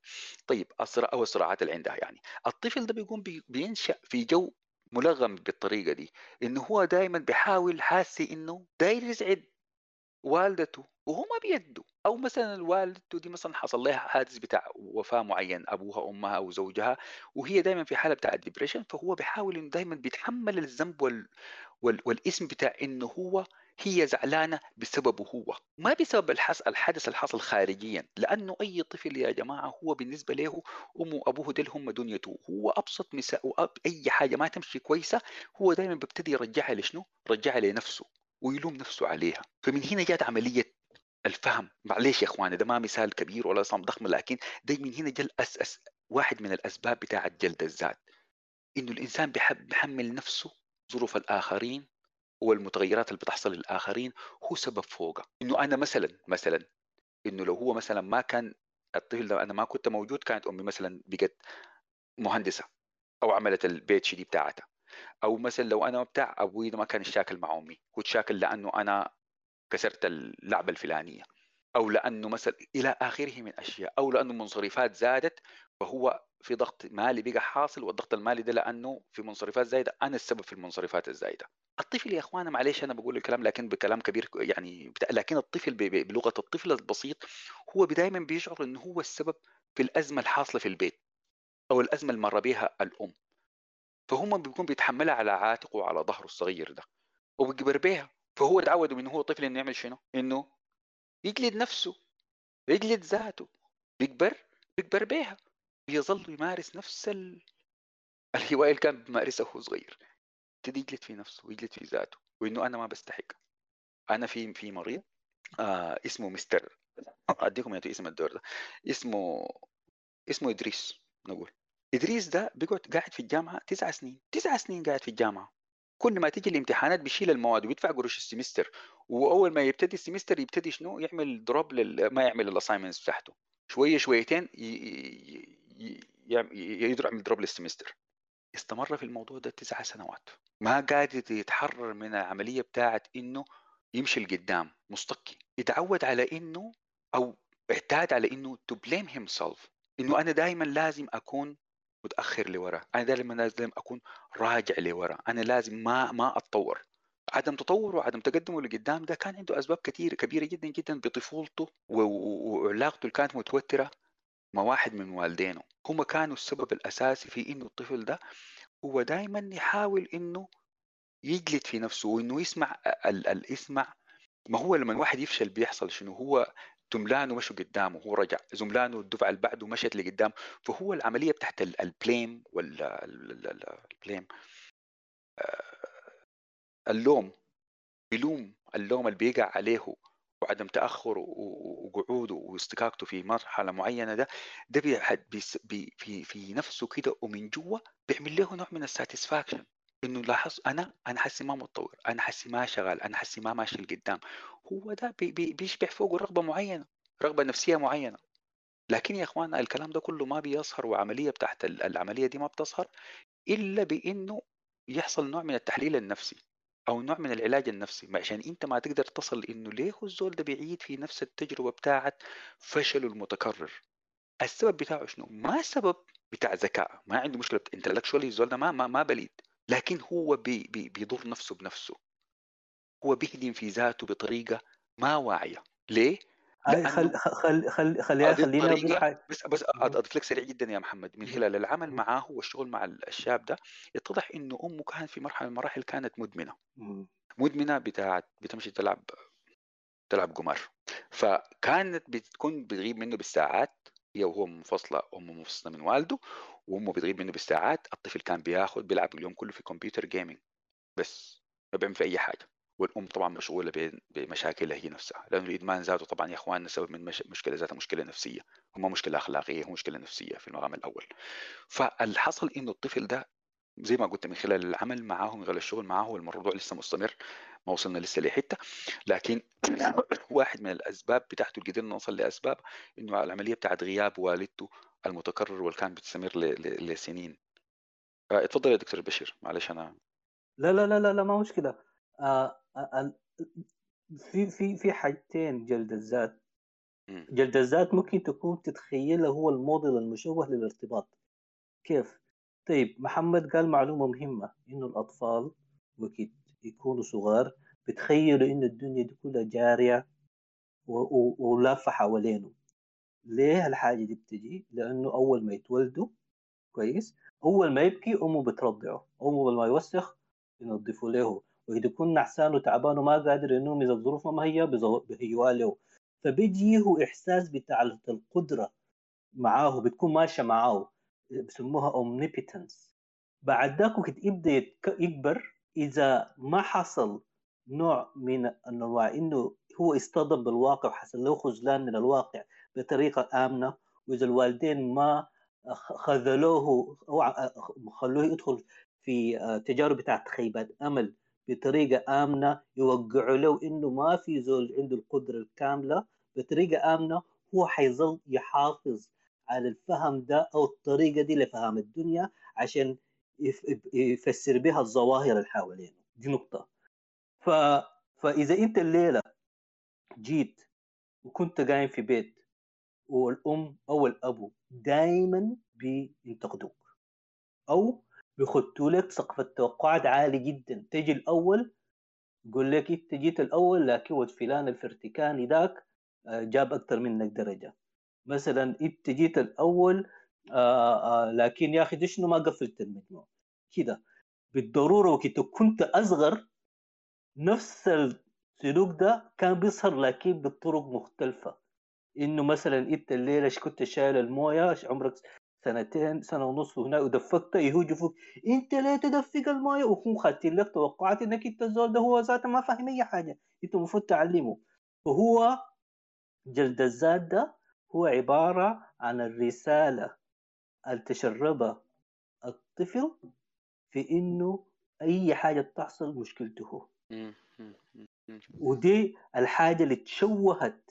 دي الموديل الشوه بدل ما الموديل يكون إنه لا إحنا دايرين إنك تكون بني آدم. زي ما بيقولوا جود انف تكون زول معقول. أنت عندك إمكانيات عالية. الحاجة الثانية والسبب اللي كنت عاوز أقاطعك به إنه الطفل بيشوف نفسه من خلال عيون والدينه. لأنه ما بكون عنده تصور آه، متكامل عن نفسه. فالطريقة الوالدين بيشوفوه بيشوفوه بها هو بالتدريج بيتعلمها ويتقمصها. وده الدور اللي ما المفروض يلعبه الوالدين. الوالدين المفروض يكونوا موفرين له بيئة آمنة ويخلوه يفرهد ويخلوا مقدراته وطاقاته تطلع وشخصيته تطلع. هم يكونوا معاه للناس مثلا عندهم رغبة في الموضوع ده أنا ومحمد شغالين في سلسلة بتاعت تربية إن شاء الله في كلوب هاوس واحتمال إذا نشوف إذا نعملها معكم هنا عشان نسجلها إذا في رغبة زي دي. لكن يعني واحدة حاجة مهمة إنه الطفل بيشوف نفسه وقت يكون صغير عن من, من عن طريق عيون أمه وأبوه. فأمه وأبوه إذا طوالي هم بينهاروا لا ما تنط لا ما تدفق لا ما تسوي وما خاتين توقعات ما خاتين آه زي ما بيقولوا آه اسمه شنو ده؟ آه سقف توقعات معقول. الزول حيتخيل إنه هو ما عنده المقدرة. كويس؟ فدي واحدة من الحاجات اللي ممكن تكون زيادة على اللي قاله محمد موضوع جلد الذات وكيف ممكن يكون حاجة مكتسبة. هو هو آه. دكتور بشير بس اسهب في نفسي في نفس مثالك مثلا. هو نفس الحكاية. الطفل اللي يتعود على النهير وال والصراخ لأبسط الأسباب وبك بطريقة مستمرة. هو الليلة لما زي ما قلنا ده اللي احتاج عليه. هذه النقطة الفكرة بصراحه دائما لأنه ليلة موضوع الحلقة ده موضوع الحلقة وده اسم الحلقة التكرار القهري.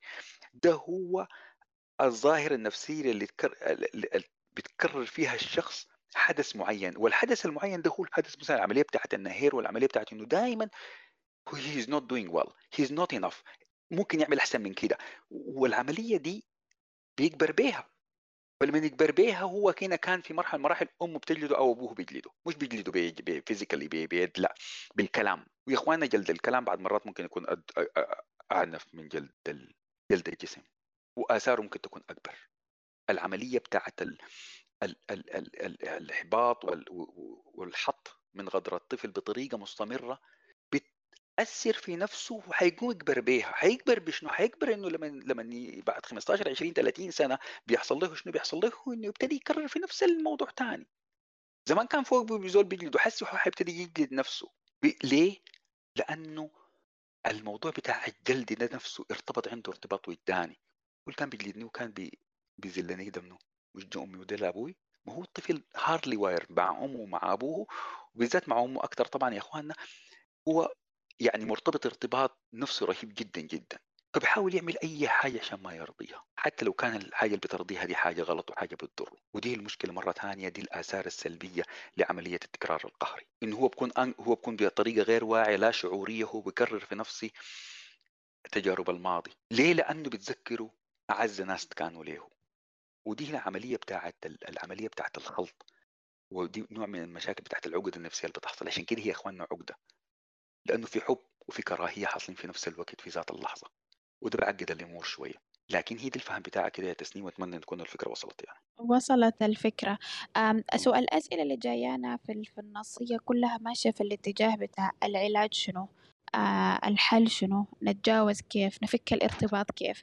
آه لكن خلينا أنا كنت أنا نذكر أمثلة أكتر قبل ما نمشي للعلاج عشان بس ال- الأفكار ترتيب الأفكار يكون واضح للناس. خلينا نمشي للعلاج من الناس عايزة تعرف العلاج.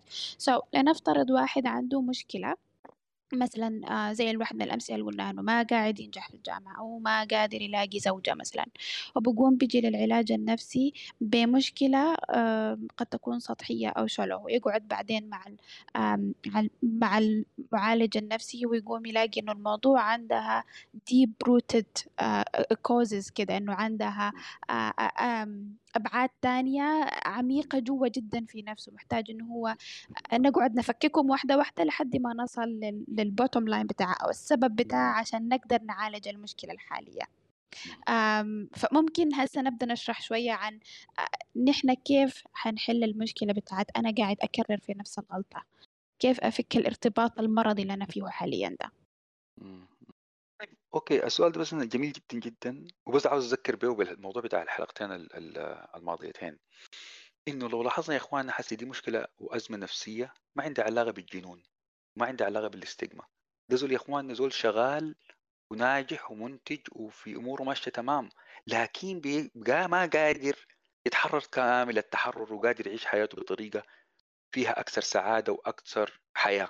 ال- ال- الحلول يا تسنيم عشان أرجع أرجع لسؤالك بكل اختصار. إنه ما لازم يحصل اسسمنت لازم نعرف إحنا المشكلة دي هي شنو أو يحصل تقييم ونعرف المشكلة دي هي أساسا سبب شنو. لو فعلا كانت سببها عندها ارتباط وفي زي ما قلنا في الأمثلة اللي إحنا ضربناها الليلة عندها علاقة بالماضي وبالطفوله بتاعت ال- المريض. فبالتأكيد لازم نمرة واحد ننقل المشكلة بتاعته اللي كانت حاصله في العقل اللاواعي لعقله الواعي عشان ما هو يدرك أول حاجة حيدرك إنه الأشياء اللي بيعيد فيها بطريقة متكررة والباترن بتاعه إنه بيقعد في شغل لمدة ثلاثة شهور ستة شهور وأول ما يبتدي يمشي لقدام ويكون الناس راضيين عنه وأموره ممكن تكون هيقوم يستقيل من الشغل ده ويمشي يبتدي له شغل من أول جديد أو بادي له في مشروع أول ما المشروع يمشي يخليه ويمشي يبتدي وهكذا دواليك المثال العملية بتاعت إنه عدم الاستقرار. كمثال اللي قلنا بيحصل إنه ال patient ده بيجيك أو المريض ده بيجيك وبيبتدي يقعد ويحكي, بتقدر إنت تعرف منه من خلال سماعك للتاريخ بتاعه ولطفولته ولماضيه وإلى آخره. بتبتدي إنت معاه مع بعض الاثنين بتبتدي تقوم زي بتشيل يدك بتقول له عين. إنت شايف مثلا الباترن ده أو النمط ده متكرر في كم نمط من أنماط حياتك أو في مسلك من مسالك حياتك؟ أو أو أو إنه إنت بتعيد في نفس الشيء ده بطريقة مختلفة لكن أنت بتكرر في نفس ال- الحدث مرة ثانية. ده ممكن من خلال العلاج النفسي أو العلاج ال psychotherapy ولا بكل أنماطه يا جماعة؟ سواء هو تحليل نفسي أو هو علاج علاج عن طريق ال- الكلام يعني talking therapy بكل أنواعه المختلفة. ال CBT ولا ال psycho psychotherapy آه دي دي حاجة. الأمثلة ال- ال- ال- الطرق الثانية ممكن تكون إلا الإنسان صراحة يعني أنا ما أعرف آه، إنسان عشان ما يطلع ممكن ممكن هو إنسان من خلال قرايته وتطلع اطلاعه ومعرفته ممكن يحاول إنه يساعد نفسه كثير جدا جدا آه لكن صراحة أنا حسي في بالي غير موضوع يعني بالذات في الحالات اللي بتكون فيها فعلا آه الإنسان ما قادر يساعد نفسه. ما قادر هي أنا أنا أنا ممكن. أضيف حاجة هنا يا ابو احمد تفضل يا دكتور البشير أيوه آه، هو هو ما إذا أنت عندك مشكلة نفسية أو في السلوك احتمال قلناها المرة اللي فاتت أنت عندك محتاج لأربع حاجات محتاج إن يكون عندك استبصار محتاج يكون عندك آه، معلومة جديدة محتاج يكون عندك تبذل مجهود وتدي لنفسك زمن. إذا قدرت تعمل الحاجات دي والحاجات اتغيرت معناها مشكلتك ما كانت مشكلة عميقة ومشكلة فوق فوق وقدرت تحرك مقدراتك في العقل المنطقي وتصلحها. لكن المشكلة ممكن تكون الموضوع ده شوية عميق. أنا ممكن أدي مثال لكن قبل ما أدي مثال زي ما قال محمد في في أربع حاجات بنعملها نحن. أول شيء بتقعد مع العيان تشوف النمط شنو الباترن شنو. بعد ذاك تقعد معاه وتشوف إنه شنو الاحتياج العاطفي اللي بيحاول يلبيه من تكرار النمط ده تمام؟ الحاجة الاخيره الثالثه بتيجي تقول لي تقوم تنبه تقول أنت شايف أنت بتكرر الحاجة دي عشان تلبي الاحتياج ده؟ بعد ما يشوفها تيجي تقول له آخر حاجة إنه وأنت شايف إنه تكرارك للنمط ده ما بت... ما ما, ما قاعد يلبي في احتياجك ومسبب لك أحاسيسك دي. جميل؟ أنا ممكن أديكم مثال سريع. عندي بس واحد بس دقيقة دكتور بشير بس قبل المثال لو. تسمح بس أضي- اسهب بس في الحته. دي المشكلة يا اخواننا رغم ما إحنا ذكرناه ممكن تكون كده واحد اثنين ثلاثة أربعة لكن يا اخواننا من خلال ال- ال- ال- الحاصل في العلاج النفسي المواضيع ما بتكون بنفس السلاسة دي ليه؟ لأنه المريض نفسه أو الإنسان ال- نفسه بيكون هو في مرحلة بتاعت أول حاجة بيكون بيكون في مرحلة بتاعت ريزيستنس رهيبة جدا وما قادر هو ذاته يصل لأعماق المشكلة دي أو قادر يقرب ليها لأنه فيها آلم كبير جدا جدا وفيها صراحة يعني الحتة بتاعت محمد قبل كنت تكلمت على الحتة بتاعت ال transference وال counter transference وال resistance مش كده في أشياء كثيره جدا جدا وال defense إنه البني آدم يحط لك عوائق. ويطلعك لا أنت الغلطان وإنك آه أنت كمعالج نفسي إنك أنت ما فاهم حاجة وإنك أنت ما بتعرف وأنا قريت النظرية الفلانية في كمية من الحاجات بتمر علينا لأنه الزول ده بيحط لك عراقيل إنك أنت ما عاوزك تصل المرحله أو المنطقة اللي فيها أصل المشكلة وعقدتها لأنه قلنا يا أخواننا المشكلة عنده ممكن تكون مربوطة بأشياء حساسة جدا جدا اللي هي علاقته مع أقرب ناس ممكن يكونوا له نفس كده. وبعدين محمد في نفس الوقت آخر كلمة يا دكتور البشير الحتة أها. بتاعت الشيم الحتة لا بتاعت أنا الخجل. أنا داير أواصل. قبل قبل ما أتكلم عن الشيب إنه الزول ده عايش حياته كلها عشان يتفادى الألم ده. يعني العقل عنده مقدرة كبيرة بإنه يغش يخلينا علمنا نتفادى ألمنا وما نعين ليها. وإنت بتقعد معه عشان بالراحة تخليه يشوف الحاجة اللي ما داير يشوفها. أرجع يا محمد للشيم. أيوه أرجع للشيم. الحتة بتاعت الخجل. الخجل ده هو مش خجله منك إنت كمعالج. لا خجله من نفسه ذاته. إنه أنا كيف ما لا امي لا أبوي كانوا مثلا شغالين بي. أو ليه أنا مثلا أخواني الاثنين الثانيين أو أخواتي الاثنين أمي كانت بتعامل اخوة أختي الأكبر وأختي الأصغر مني أحسن مني. أو أو إلى آخره من أمثلة. بيقعد بيبتدي يعلل ويجد له أسباب ممكن تكون هي أساسا ممكن تكون حاصلة وممكن تكون ما حاصلة باي ذا لأنه قبل زي ما قلنا يا إخوان الطفل برضه في أحيان بيتوهم أشياء كثيرة جدا ووهمه ده بيصبح حقيقته. فأنا لما أجي أعالجه ما بيجي بعالجه بناء على الحقيقة اللي عنده. لا أنا بعالجه على الوهم اللي هو كان عايشه أو اللي كانت عايشاه في الماضي بتاعها انه أنا انها كانت she was not the preferred child.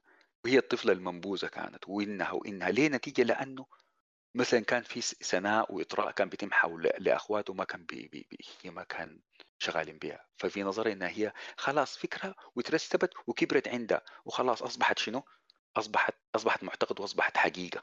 فأنت عشان كده مثلا بالحته بتاعت ال cognitive behavioral therapy مثلا بتحاول تيجي تحاول ترجع تاني إنك بتحاول تشوف ال belief system أو النظام المعتقد بتاعها وتحاول تغير النمط بتاع السلوك بتاعها وعشان ما تحاول تغير الواقع بتاع حياتها في في الراهن في الوقت الراهن.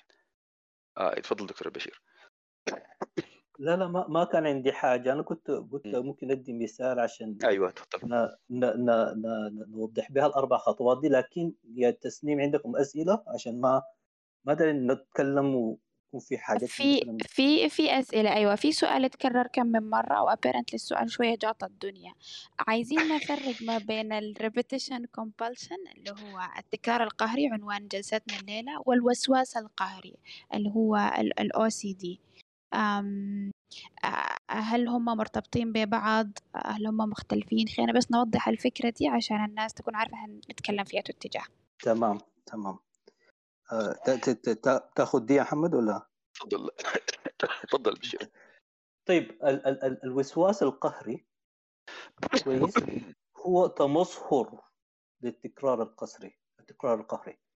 أي زول عنده أي نوع من المعاناة النفسية بطريقة أو بأخرى بيكون عنده تكرار قهري. مثال زول عنده اكتئاب. كل ما يدخل في آه، موقف آه، في ضغط نفسي بينعزل مثلا.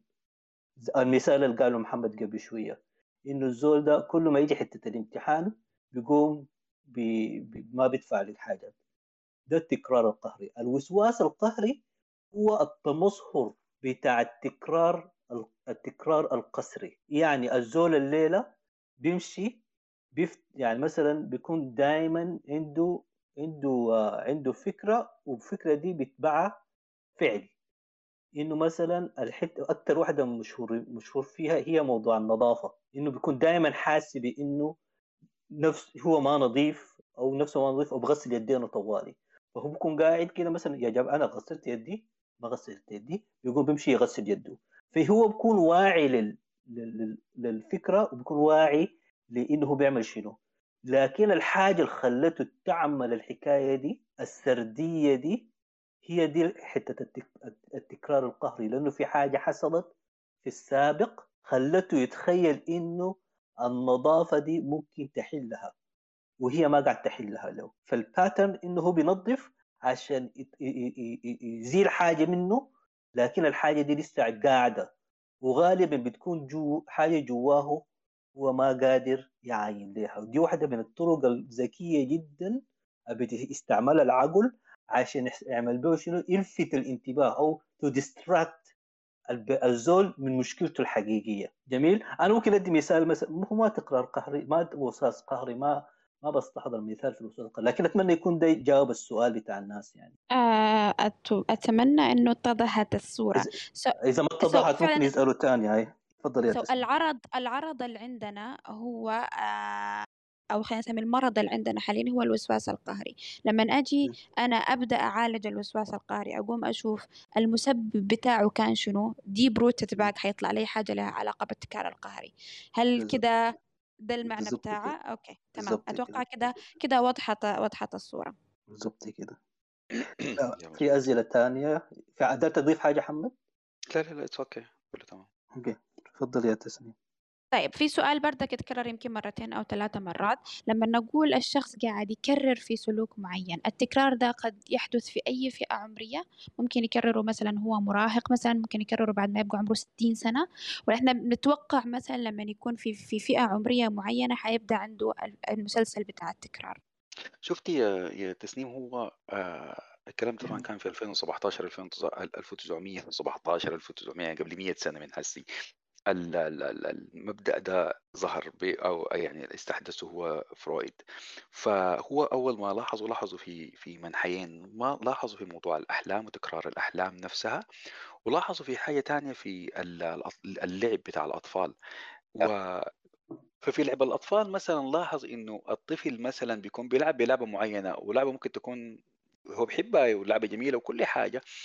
بيقوم فجأة بيرميها وبعد شوي بيمشي يرفعها يشيلها تاني. لاحظوا التكرار. الحاجة دي إنه يرمي كل مرة لعبته اللي هو بحب يلعب بيها دي يرميها وتاني بعد مدة ويبكي ويقوم يشيلها يرفعها مرة تانية.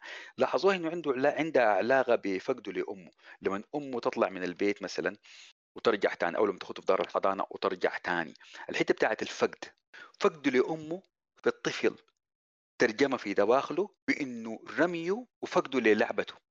البداعة دي يقوم يمشي يرفعها مرة تانية. ده هو اللي خلاه ذاته اللي خلى الفكرة بتاعت إنه يلاحظوا العملية بتاعت الحتة بتاعت ال repetition compulsion إنه هو بشكل لا إرادي هو بيدع اللعبة بتاعته وبيرفعها تاني أنا ليه ذكرت المثال ده من غير ما يعني قعد أعمق فوقه أكثر من كده؟ لأنه أنت سألتني هي عمرها كم أو بتظهر من متين هي ممكن تظهر من سنين قليلة جدا من سنين يعني سنين صغيرة جدا أعمار صغيرة ولحد ما تستمر الإنسان لحد ما قبل ما يموت. هو يكون ممكن يكرر في نفس ال...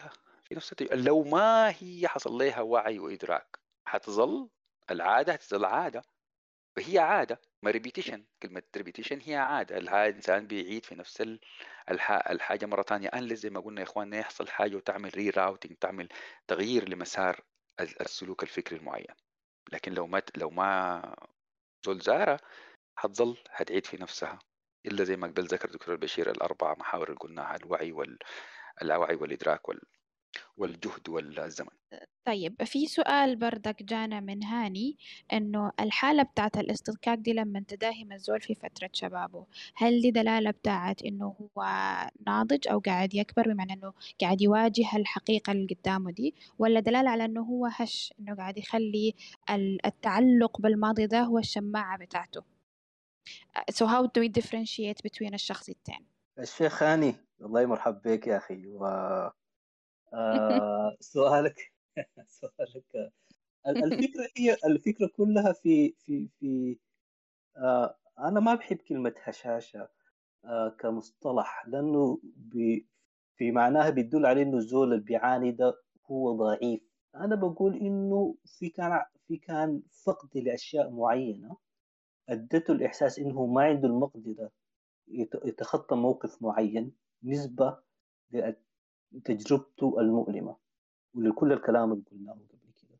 فوق اجى يبدا يصطكى لأنه أي زول بيكون عنده زي ما قلت قبال في في الغريزة بتاعت السعي. السعي جوا جوا نزل بيكتشف الحاجات ويكون داير يشوف يشوف حاجات جديدة وكده لأنه نحن ناس ملولين. في الغريزة بتاعت السعي والسيكينج ده وكده انت تلقى روحك انك انت قاعد في حتتك طوال يكون زي ما يقولوا اندار بتاع خطر. فده بس معناه إنه هو عنده إشكالية في حتة معينة ومحتاج يشتغل عليها. أنا بفكر فيها بالطريقة دي. إنه عنده إشكالية معينة داير يشتغل عليها. إذا قدر يقدر يستعمل الأربع حاجات اللي قلتها الاستبصار معلومة جديدة آه، جهد يبذل فيها جهد ويقضي فيها الزمن آه، كانوا بها إذا ما ما كده معناها الموضوع ده شوية في العقل الباطن. ما في أي معنى لإنه نحن نحاول إنه نقول إنه دي مشكله مشكلة فيه هو ولا كده. معناه إنه في حاجة جواه فقدها في شيء مؤلم جواه هو بتفاداها ومحتاج إنه يعين ليها يعني. فأتمنى أكون جاوبت سؤالك يا الأخ هاني. أتمنى ذلك. في في سؤال جانا بتاع إنه شنو الحاجة اللي أنا ممكن أعملها لطفل عشان أتفادى إنه الطفل ده يحصل عنده تكرار قهري في المستقبل؟ نفترض أنا مثلا بنت خالتي أو أخوي مثلا أنا منتبهة إنه he has been through something وهو صغير وما عايزاه uh, he goes through ال vicious cycle بتاعت التكرار دي. ممكن نعمل شنو؟ إذا أنا زولا ما خبيرة أو, ما أو مثلا ما معالجة. آه معلش محمد ممكن تخليني أجاوب السؤال ده؟ تفضل أي تفضل. دي أنا طبعا واحدة من الباشنز بتاعتي. نحن عندنا مسؤولية إنه نتعلم كيف نربي أطفالنا. ودي الحاجة اللي مخلياني أنا ومحمد نشتغل مع بعض ونحاول نملك الأدوات دي لأطفالنا. الناس لازم تمشي آه، تقرأ وتتعلم لأنه ده استثمار استثمار. بنقول دارين نبنيه حنبنيه كيف؟ إذا نحن ما بنقدر نتعامل مع أهم ثروة ممكن تكون موجودة في البلد. فده بالنسبة لأي زول دار يخلق عائلة دار يكون يبني عائلة دار يجيب أطفال لازم يسلح نفسه بالمعرفة دي. تفضل يا حمد. والله يا احمد أنا ما بحب وتعالوا وتعالوا أسمع أسمع. تعالوا لنا في تعالوا لنا في الجلسات في في جلساتنا بتاعت التربية. دي دعوة دي دعوة رسمية لكل سكان إذاعة فرح. عارفة يعني هو الحاجة اللي عندي فيها انترست صراحة ودي حاجة إنه العملية بتاعت التكرار القهري دي ما بتتم على مستوى الفرد. عشان أكون قبل ذكرت الحتة دي سريع جدا كده. أنا بس داير أقول إنها ممكن برضو تكون على مستوى الشعوب والله وعلى مستوى الحضارات. يعني مثال بسيط جدا وأنا ما بحب أتكلم في السياسة لكن لاحظ العملية بتاعت الانقلابات السياسية. إنه العملية بتاعت إنه الناس قادرة ما قادرة تشوف بديل لعملية بتاعت نجاح ديمقراطي وتحول ديمقراطي إلا الانقلابات العسكرية. فكل مرة الشعب قبل ما يدي أي مساحة لأي تحول ديمقراطي ويعمل ري راوتنج لطريق جديد يرجع تاني يعيد في الفهم بتاع الجيش والانقلابات. زي كأنه هي المخرج. ما دار يطلع ويجرب حياة وإطار جديد. غير الحاجة شافها زمان وتربى عليها. معلش المثال قد يكون ما مثال يعني بديك البراعة لكن الفكرة بتاعت إنه إنك تخلق واقع ومستقبل مغاير للماضي بتاعك. إنك أنت تتحرر من الماضي بتاعك سواء هو ماضي فاشل أو ماضي ما فيه نجاحات كبيرة. أنت خوفك من الجديد هو بخليك إنك يعاود الحنين بتاعك للاعتياد وللعادة وانه أنا خلاص ده أنا عارفه. بغض النظر قد يكون هو مضر بالنسبة لك. لكن وبرضه عنده علاقة في ال business مثلا نضرب لكم مثال سريع جدا الحتة بتاعت ال entrepreneurship الحتة بتاعت ريادة الأعمال. إنه يا أخي الوظيفة وما الوظيفة وإلى آخره وفيها توقع وفيها مش كده؟ كونك أنت اللي تمشي تشق طريق جديد وتحاول تجارب جديدة وتحاول استثمارات جديدة وتحاول مشاريع صغيرة وتحاول إلى آخره من أشياء. إنك تتحرر من العملية بتاعت إنه أنا لا داير أكون قاعد في الفيش السايكل العملية أنا داير أقول هو فلسفة يعني ممكن هو التكرار القهري. غير إنه هو ممكن يكون حاله أو فلسفة نفسية هي ممكن تكون فلسفة برضه مجتمعية إنه نحن ما عاوزين نجرب الجديد وفي خوف من الجديد. معلش أنا طلعت شويتين حبة كده من الموضوع لكن استسمحوني عذرا يعني. لا لا، أنا- وضحنا الفكرة وضحنا أنا الفكرة. ممكن ممكن أنا مرات بسرح كده ذاتي والله متأسف جدا يا آه، بس أنا حدي حعيد التكرار القصري هو التاريخ يعيد نفسه. دايرين نقول كده بس خجلانين لكن والله آه، يعني. بالضبط كده. التاريخ يعيد نفسه. وزي ما قلنا آه، عيد معلش دكتور البشير. قول اتفضل. قول- لا لا لا تعال. آه، ما- المناظر أيوة،. المناظر هي ذاتها. والصور نفس المشاهد. الم... ال... شنو ما بتذكر نسيت ال- الباقي. لكن التاريخ يعيد نفسه. وهذا ما ألفنا عليه آباؤنا الأولون. ده, ده, ده اسمه transmission of trauma. إنه الحاجة الكعبة تمشي من generation لجيل لجيل لجيل. ف... يا يا بس- يا يا يا يا يا بالضبط. بالضبط يا بالضبط يا دكتور بشير. ال- الحتة اللي أنت ذكرتها والحتة بتاعت السؤال اللي اتسأل إنه إحنا ممكن نعمل شنو؟ وزي ما أنت ذكرت يا دكتور بشير الحتة بتاعت الوعي يا جماعة. الوعي والعلم. العلم ما هو العلم اللي بناخده في المدرسة بس. الإنترنت حسي أصبحت فيها صراحة يعني إلا من أبى والله إلا من أبى. فيها كل ال- اليوتيوب فوق وجوجل فوق ما ما في في أشياء كثيره جدا جدا الناس ممكن تبتدي تبتدي تتعلم وتبتدي تقرأ وتبتدي تشوف وتبتدي توعى والمعلومة البسيطة ممكن تغير أشياء كثيره جدا جدا. الأخ اللي سأل السؤال لو تكلمت مع أخوك الكبير أو مع أختك إنه هي تربي طفلها كيف؟ ما عشان بأجل نصيحة أو انك أنت بتحاول لكن بقدر ما إنه هي اي مين مش بقدر إنه هو عملية بتاعت استفزاز وإنه فيها مثلا نساء إنه هم بيعرفوا يربوا لا لكن الابروتش مهم جدا جدا.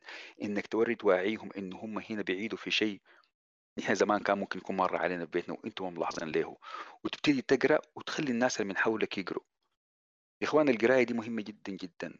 هي ود العلم نفسه. والناس قدر ما الوعي يزيد قدر ما الاستبصار يزيد قدر ما ال- المشاكل ممكن أحيانا كثيرة جدا جدا تبتدي تخف. ليه؟ لأنه الأسرة الواحدة اللي ممكن تغير نمط بتاع التربية في عائلة ممكن عندنا الفهم إحنا بتاع ال extended family الاسر ال- الممتدة.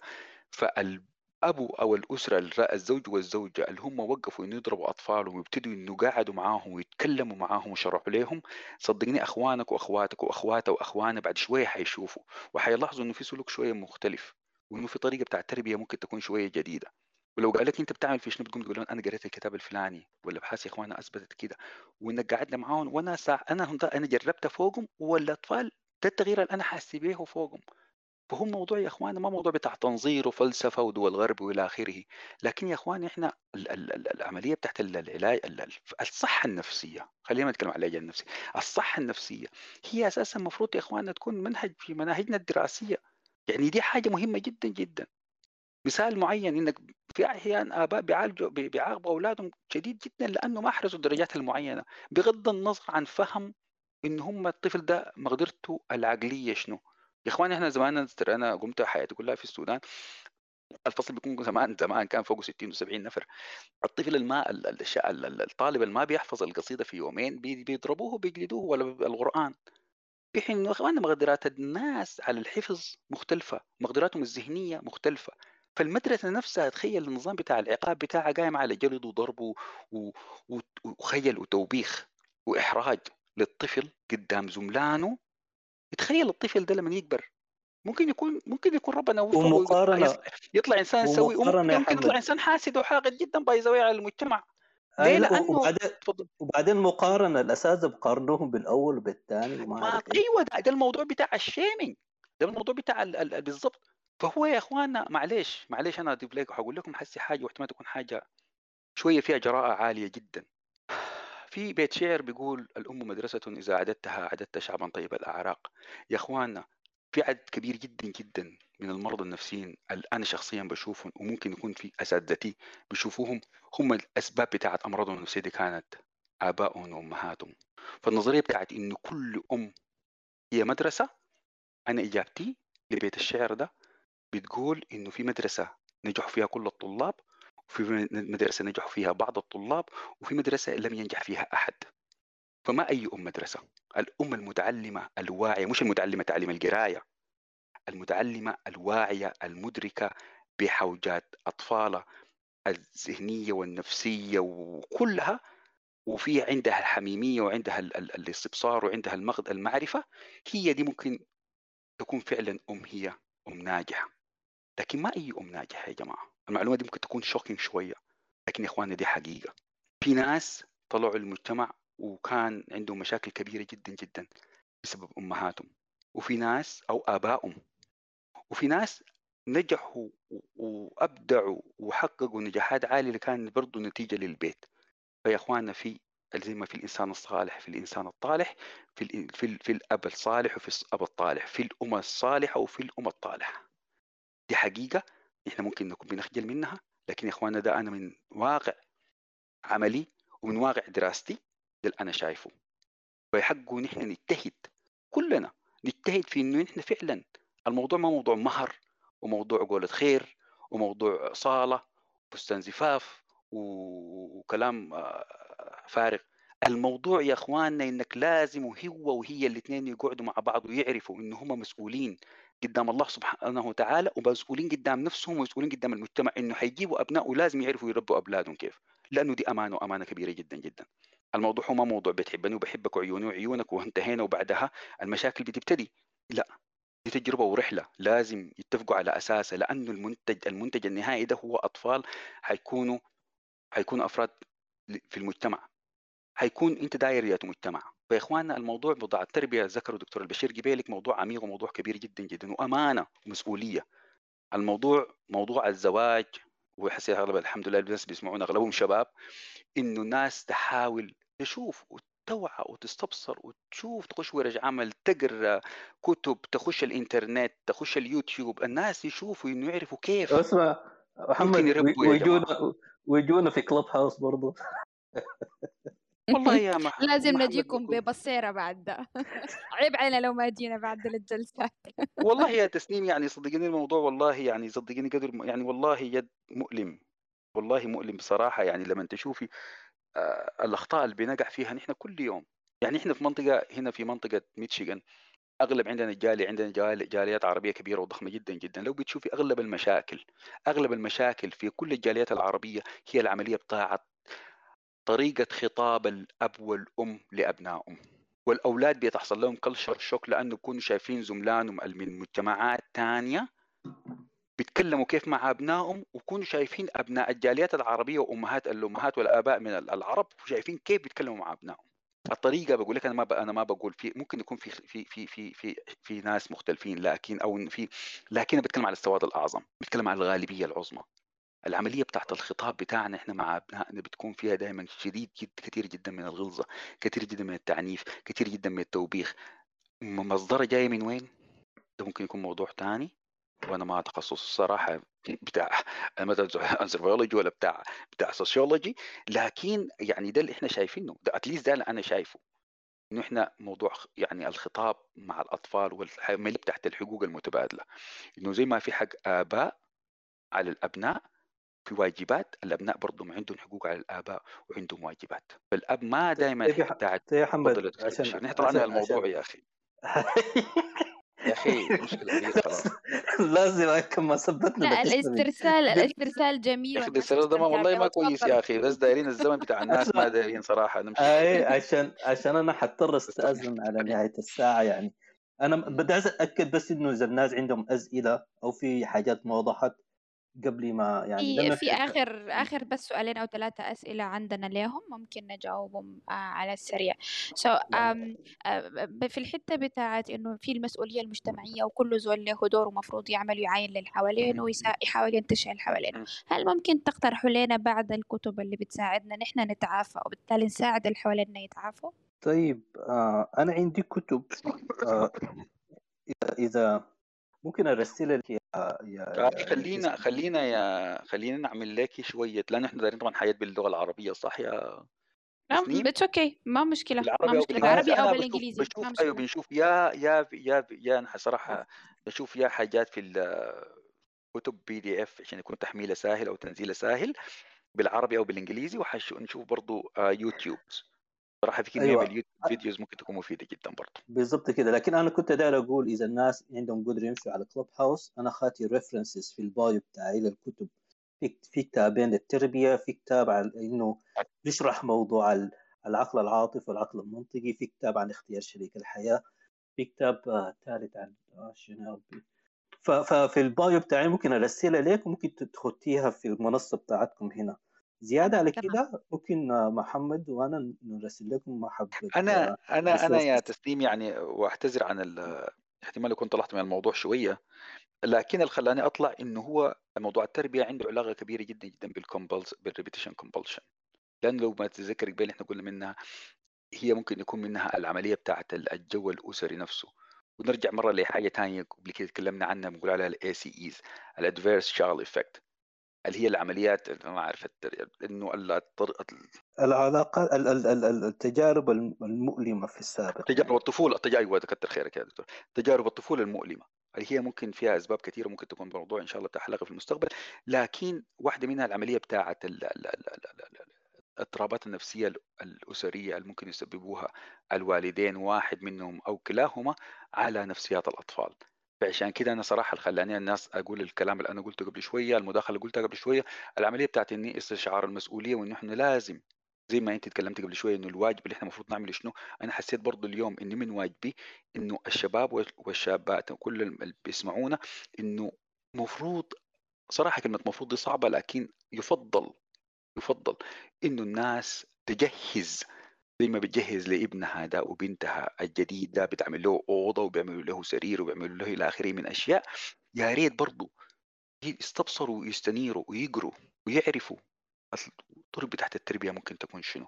وشنو الأشياء اللي يجي بتفادوها؟ وفي شنو الأشياء اللي ممكن يفضل إنه يستصحبوها معاهم؟ بالإضافة لتاريخهم هم تاريخ الفردي لكل واحد منهم إنه شنو الحياة اللي مشت صح ومشت غلط في تربيته؟ وبالإضافة لكده إنه الناس بتعاين لتجارب الآخرين وبحاولوا يع- يع- يع- يعني يعني يتعلموا وينشروا برضه الوعي ده والإدراك اللي إحنا قلناه حسي عشان في النهاية إحنا دايرين مجتمع صراحة يكون متعافى مش كده؟ لأنه في النهاية أنت أطفالك غيرك بيتاثروا بيأثروا على أطفالك فأنت في النهاية بتكون عاوز إنك أنت بتربي أطفالك في في بيئة ص- صحية نفسيا بغض النظر انه هو أصبح مهام محامي ولا أصبح دكتور ولا أصبح مهندس هو إنسان صحيح نفس نفسيا لأنه بعدها ممكن النجاح يكون في أي شكل من الأشكال في اي مهنة من المهن. إحنا همنا النجاح وهمنا الصحة النفسية والإنسان يكون معتد بنفسه وفخور بذاته مش إنسان يكون مقهور وإنسان يكون في, في بيطلع من abusive relation ل abusive relation وهو ذاته يكون abusive اتجاه أبنائه وإلى آخره. أنا أنا كنت بس عاوز أضيف حاجة. إنه العلاقة الأسرية دي من أعقد العلاقات. مش ما أقدر اصعب الموضوع كمان لكن ما ممكن انت كنت تدخل فيها بالفطرة وتتخيل الحاجات حاجات حتمشي إلا تكون أنت محظوظ جدا وكان عندك تربية وكانوا أهلك اسمه شنو ده عندهم ال ال ال ال زي ما بيقولوا الفطرة يعني بالفطره كده ربوك وكده. لكن كلنا بما فيهم أنا وبما فيهم محمد شايلين جراحنا وحامين بها ف وخاصة في السودان نحن آه، شعب يعني زي ما بيقولوا آه، يعني يعني يونج وبادي. ودي واحدة من من من المؤسسات الما سهلة. وإذا كنت تدخل في أي مؤسسة لازم تكون عندك على الأقل المعرفة الكافية عشان تدخل فيها. المعرفة الكافية دي ما متوفرة في مجتمعاتنا في السودان ولا في تعليمنا ولا في تربياتنا ولا في عاداتنا وتقاليدنا لأنه النتيجة ظاهرة. فدي دعوة لأنه الناس إنه موضوع الاختيار بتاع شريك الحاجة الحياة دي حاجة ما سهلة حاجة معقدة لأنه زي ما تكلمنا عن العقل الباطن وإذا أنت عندك كلاكيع ولا عندك كور شراب جواك أو جراح هتخليك قد تخليك تنجذب للشخص الخطأ. فإذا أنت ما عندك المعلومة دي ما حتقعد تشتغل على نفسك عشان تكون متوازن بما فيه الكفاية عشان تقدر تبني النواه دي بطريقة صحيحة. فدي دي, حاجة المهمة دي الحاجة الأولى بطريقة جذرية كده. دكتور بشير بطريقة جذرية. عشان ما تأذي نفس عشان ما عشان أنت ما تأذي نفسك كزوجة أو كزوجة وعشان عشان عيون- أنت ذاتك وعشان أنت ذاتك ما ما تأذي غيرك.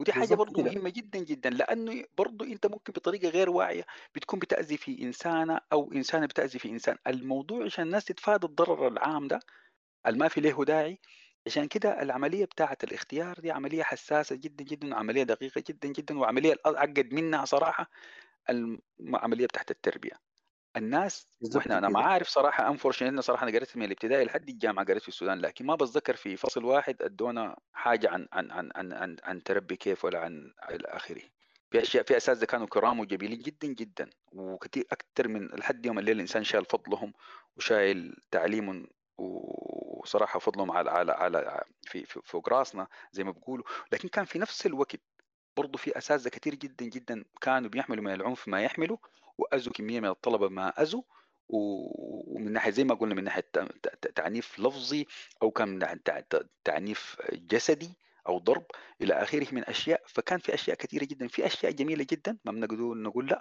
وفي أشياء برضه ما كانت جميلة فالفكرة إنه الناس كيف إنها الناس تمشي لقدام الموضوع ما إنه إحنا ذاتنا نقع ذاتنا فريسة لل للماضي لكن كيف إحنا نحاول نعالج من خلال ما إحنا بنعالج حسي يا أستاذ تسنيم.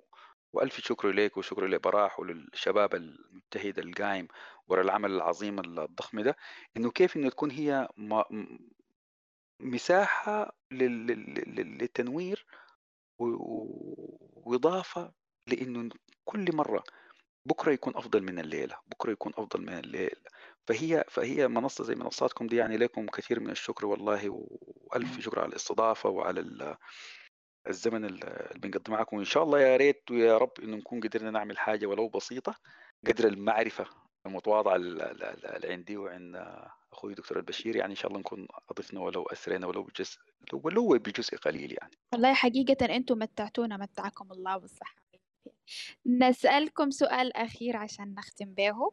انت اسئلتك كثيره خلاص يا تسلم قدر ما نحاول نعمل. ما انت بت- لأنه الجمهور مستمتع. إحنا نحاول الجمهور نعرج مشكلتنا في في براح دي مشكلتنا. الجمهور ده ما قاعد نسمع صوتي. بتقول لي في جمهور وأنا والله ما شايف قدامي غير ال- أنا أنا أنا الكمبيوتر قلت الليلة. نفس اللي قدامي أنا دي. أنا قلت أنا كنت ناوية الليلة إن إحنا نفتح نفتح المايكات للجمهور لكن قضيناها آه تكست خلاص المرة الجاية حنفتح. حنفتح المايكات تمام السؤال بس لأنه. حسيته كأنه رابب للحاجات من ضمن كل مم. الأفكار اللي إحنا قلناها. كيف أنا أحصل على secure attachment style كيف أنا أصل لعلاقات صحية حواليني؟ كيف أنا أعمل علاقات ممتازة جدا حواليني تساعدني أنا تهيل أكون عايش بطريقة صحية. أظن دي يعني أفضل حاجة ممكن نختم بها الليلة. طيب ادخل ولا ادخل آه. دكتور؟ تفضل خلينا يدخل ندخل. بالنسبة طبعا إذا الناس دي الشباب في في في ال في, ال في الورشة اللي بيتكلم عنها عن اختيار شريك حياتك إنك إذا أنت حسيت بروحك منجذب عاطفيا بقوة شديدة في علاقة وما قادر تقيف وما قادر تعاين وتدي نفسك الفرصة إنك تعرفه بما فيه الكفايه في اندفاع شديد ده مؤشر على إنك أنت في حوجة احتياج غير متزن في تعطش وتقيف وتشتغل على نفسك. ده بالنسبة اذا أنت كنت شاب وده تدخل في في في زواج. لا ومهم جدا إنك تقدر تعرف يكون عندك مهارة إنك تقدر تعرف الزول بيستغل من ما بيستغلك وتقدر تعرف تختار شريك حياة آه، وتقدر تخلق معه علاقة آمنة. في العملية دي في الورشة دي بنتكلم عن واحدة من الحاجات اللي نتكلم عنها إنه كيف نحن بعدين نربي أطفالنا. لازم ال- النقاش ده يحصل قبل الزواج عشان ما يحصل فيه احتكاك. لأنه أكثر ثلاثة حاجات بيحصل فيها احتكاك في أي زواج الجنس والأوضاع بتاع ال- ال- المالية وتربية الأطفال. طيب افترضنا إنك أنت قدرت تربي قدرت تختار شريك حياة بطريقة آمنة بعد ذاك الخطوة الثانية بيكون إنك أنت لازم تتسلح بالمهارات والمعرفة الكافية بحيث إنك أنت تقدر تفهم التطور كيف التطور النفسي بتاع طفلك بيحصل وكيف أنت بطريقة عملية ممكن توفر البيئة الآمنة للطفل ده. ودي حاجة قاعدين نشتغل عليها. آه، موضوع الاختيار ده بشتغل عليه أنا براي لكن موضوع موضوع التربية دي بيشتغل فيها أنا ومحمد وإذا إنتم في براح عندكم الرغبة إنه نحن نبدأ سلسلة زي دي ونسجلها أنا غايته ما عندي مانع ما أعرف نشوف محمد التزاماته كيف. ف و... وممكن تكون برضو مساهمة لكم وللناس بحيث إنه تكون المعلومة متوفرة لكم فدي الحاجة. بعد ذاك شايف هاني قبيل كتب آه، في النص كده إنه الزول إذا عنده مشكلة في النهاية هو عنده مسؤولية ما يحمل المشاكل كلها لأمه وأبوه. وده ده حقيقة. إنك أنت عندك مسؤولية والمسؤولية إنك إنك تعرف بتين إنك أنت محتاج لمساعدة عشان تمشي تحصل ترمم اللي اتكسر ده. أنا بتفق تماما إنه أي زول لأنك إذا في حاجة ما شغال ما يعني في شيء ما شغال لك نفسيا إنت حيكون عندك أحاسيس جواك بتكون مؤشر لك إنك أنت في حاجة ما ما شغالة. ودي دعوة ودي دعوة إنه دي الناس تعاين لها كأنها بس بس النقطة دي وبعدك ودي دعوة لإنه دي بالنسبة لك بيكون استثمار في نفسك. وما في أي استثمار بيكون أقيم للبني آدم من إنه زول يستثمر في نفسه أو في بني في بني آدم ثاني تفضل يا محمد. ده التعليق بتاع هاني تعليق جميل جدا جدا وتعليق واعي ومسؤول.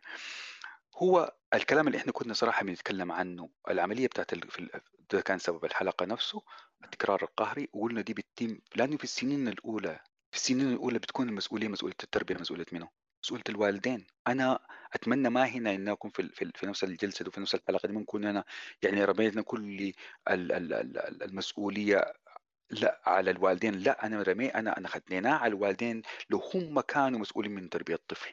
أنت عندك ناس بالغين واعيين وهنا في طفل صغير أو في طفلة صغيرة.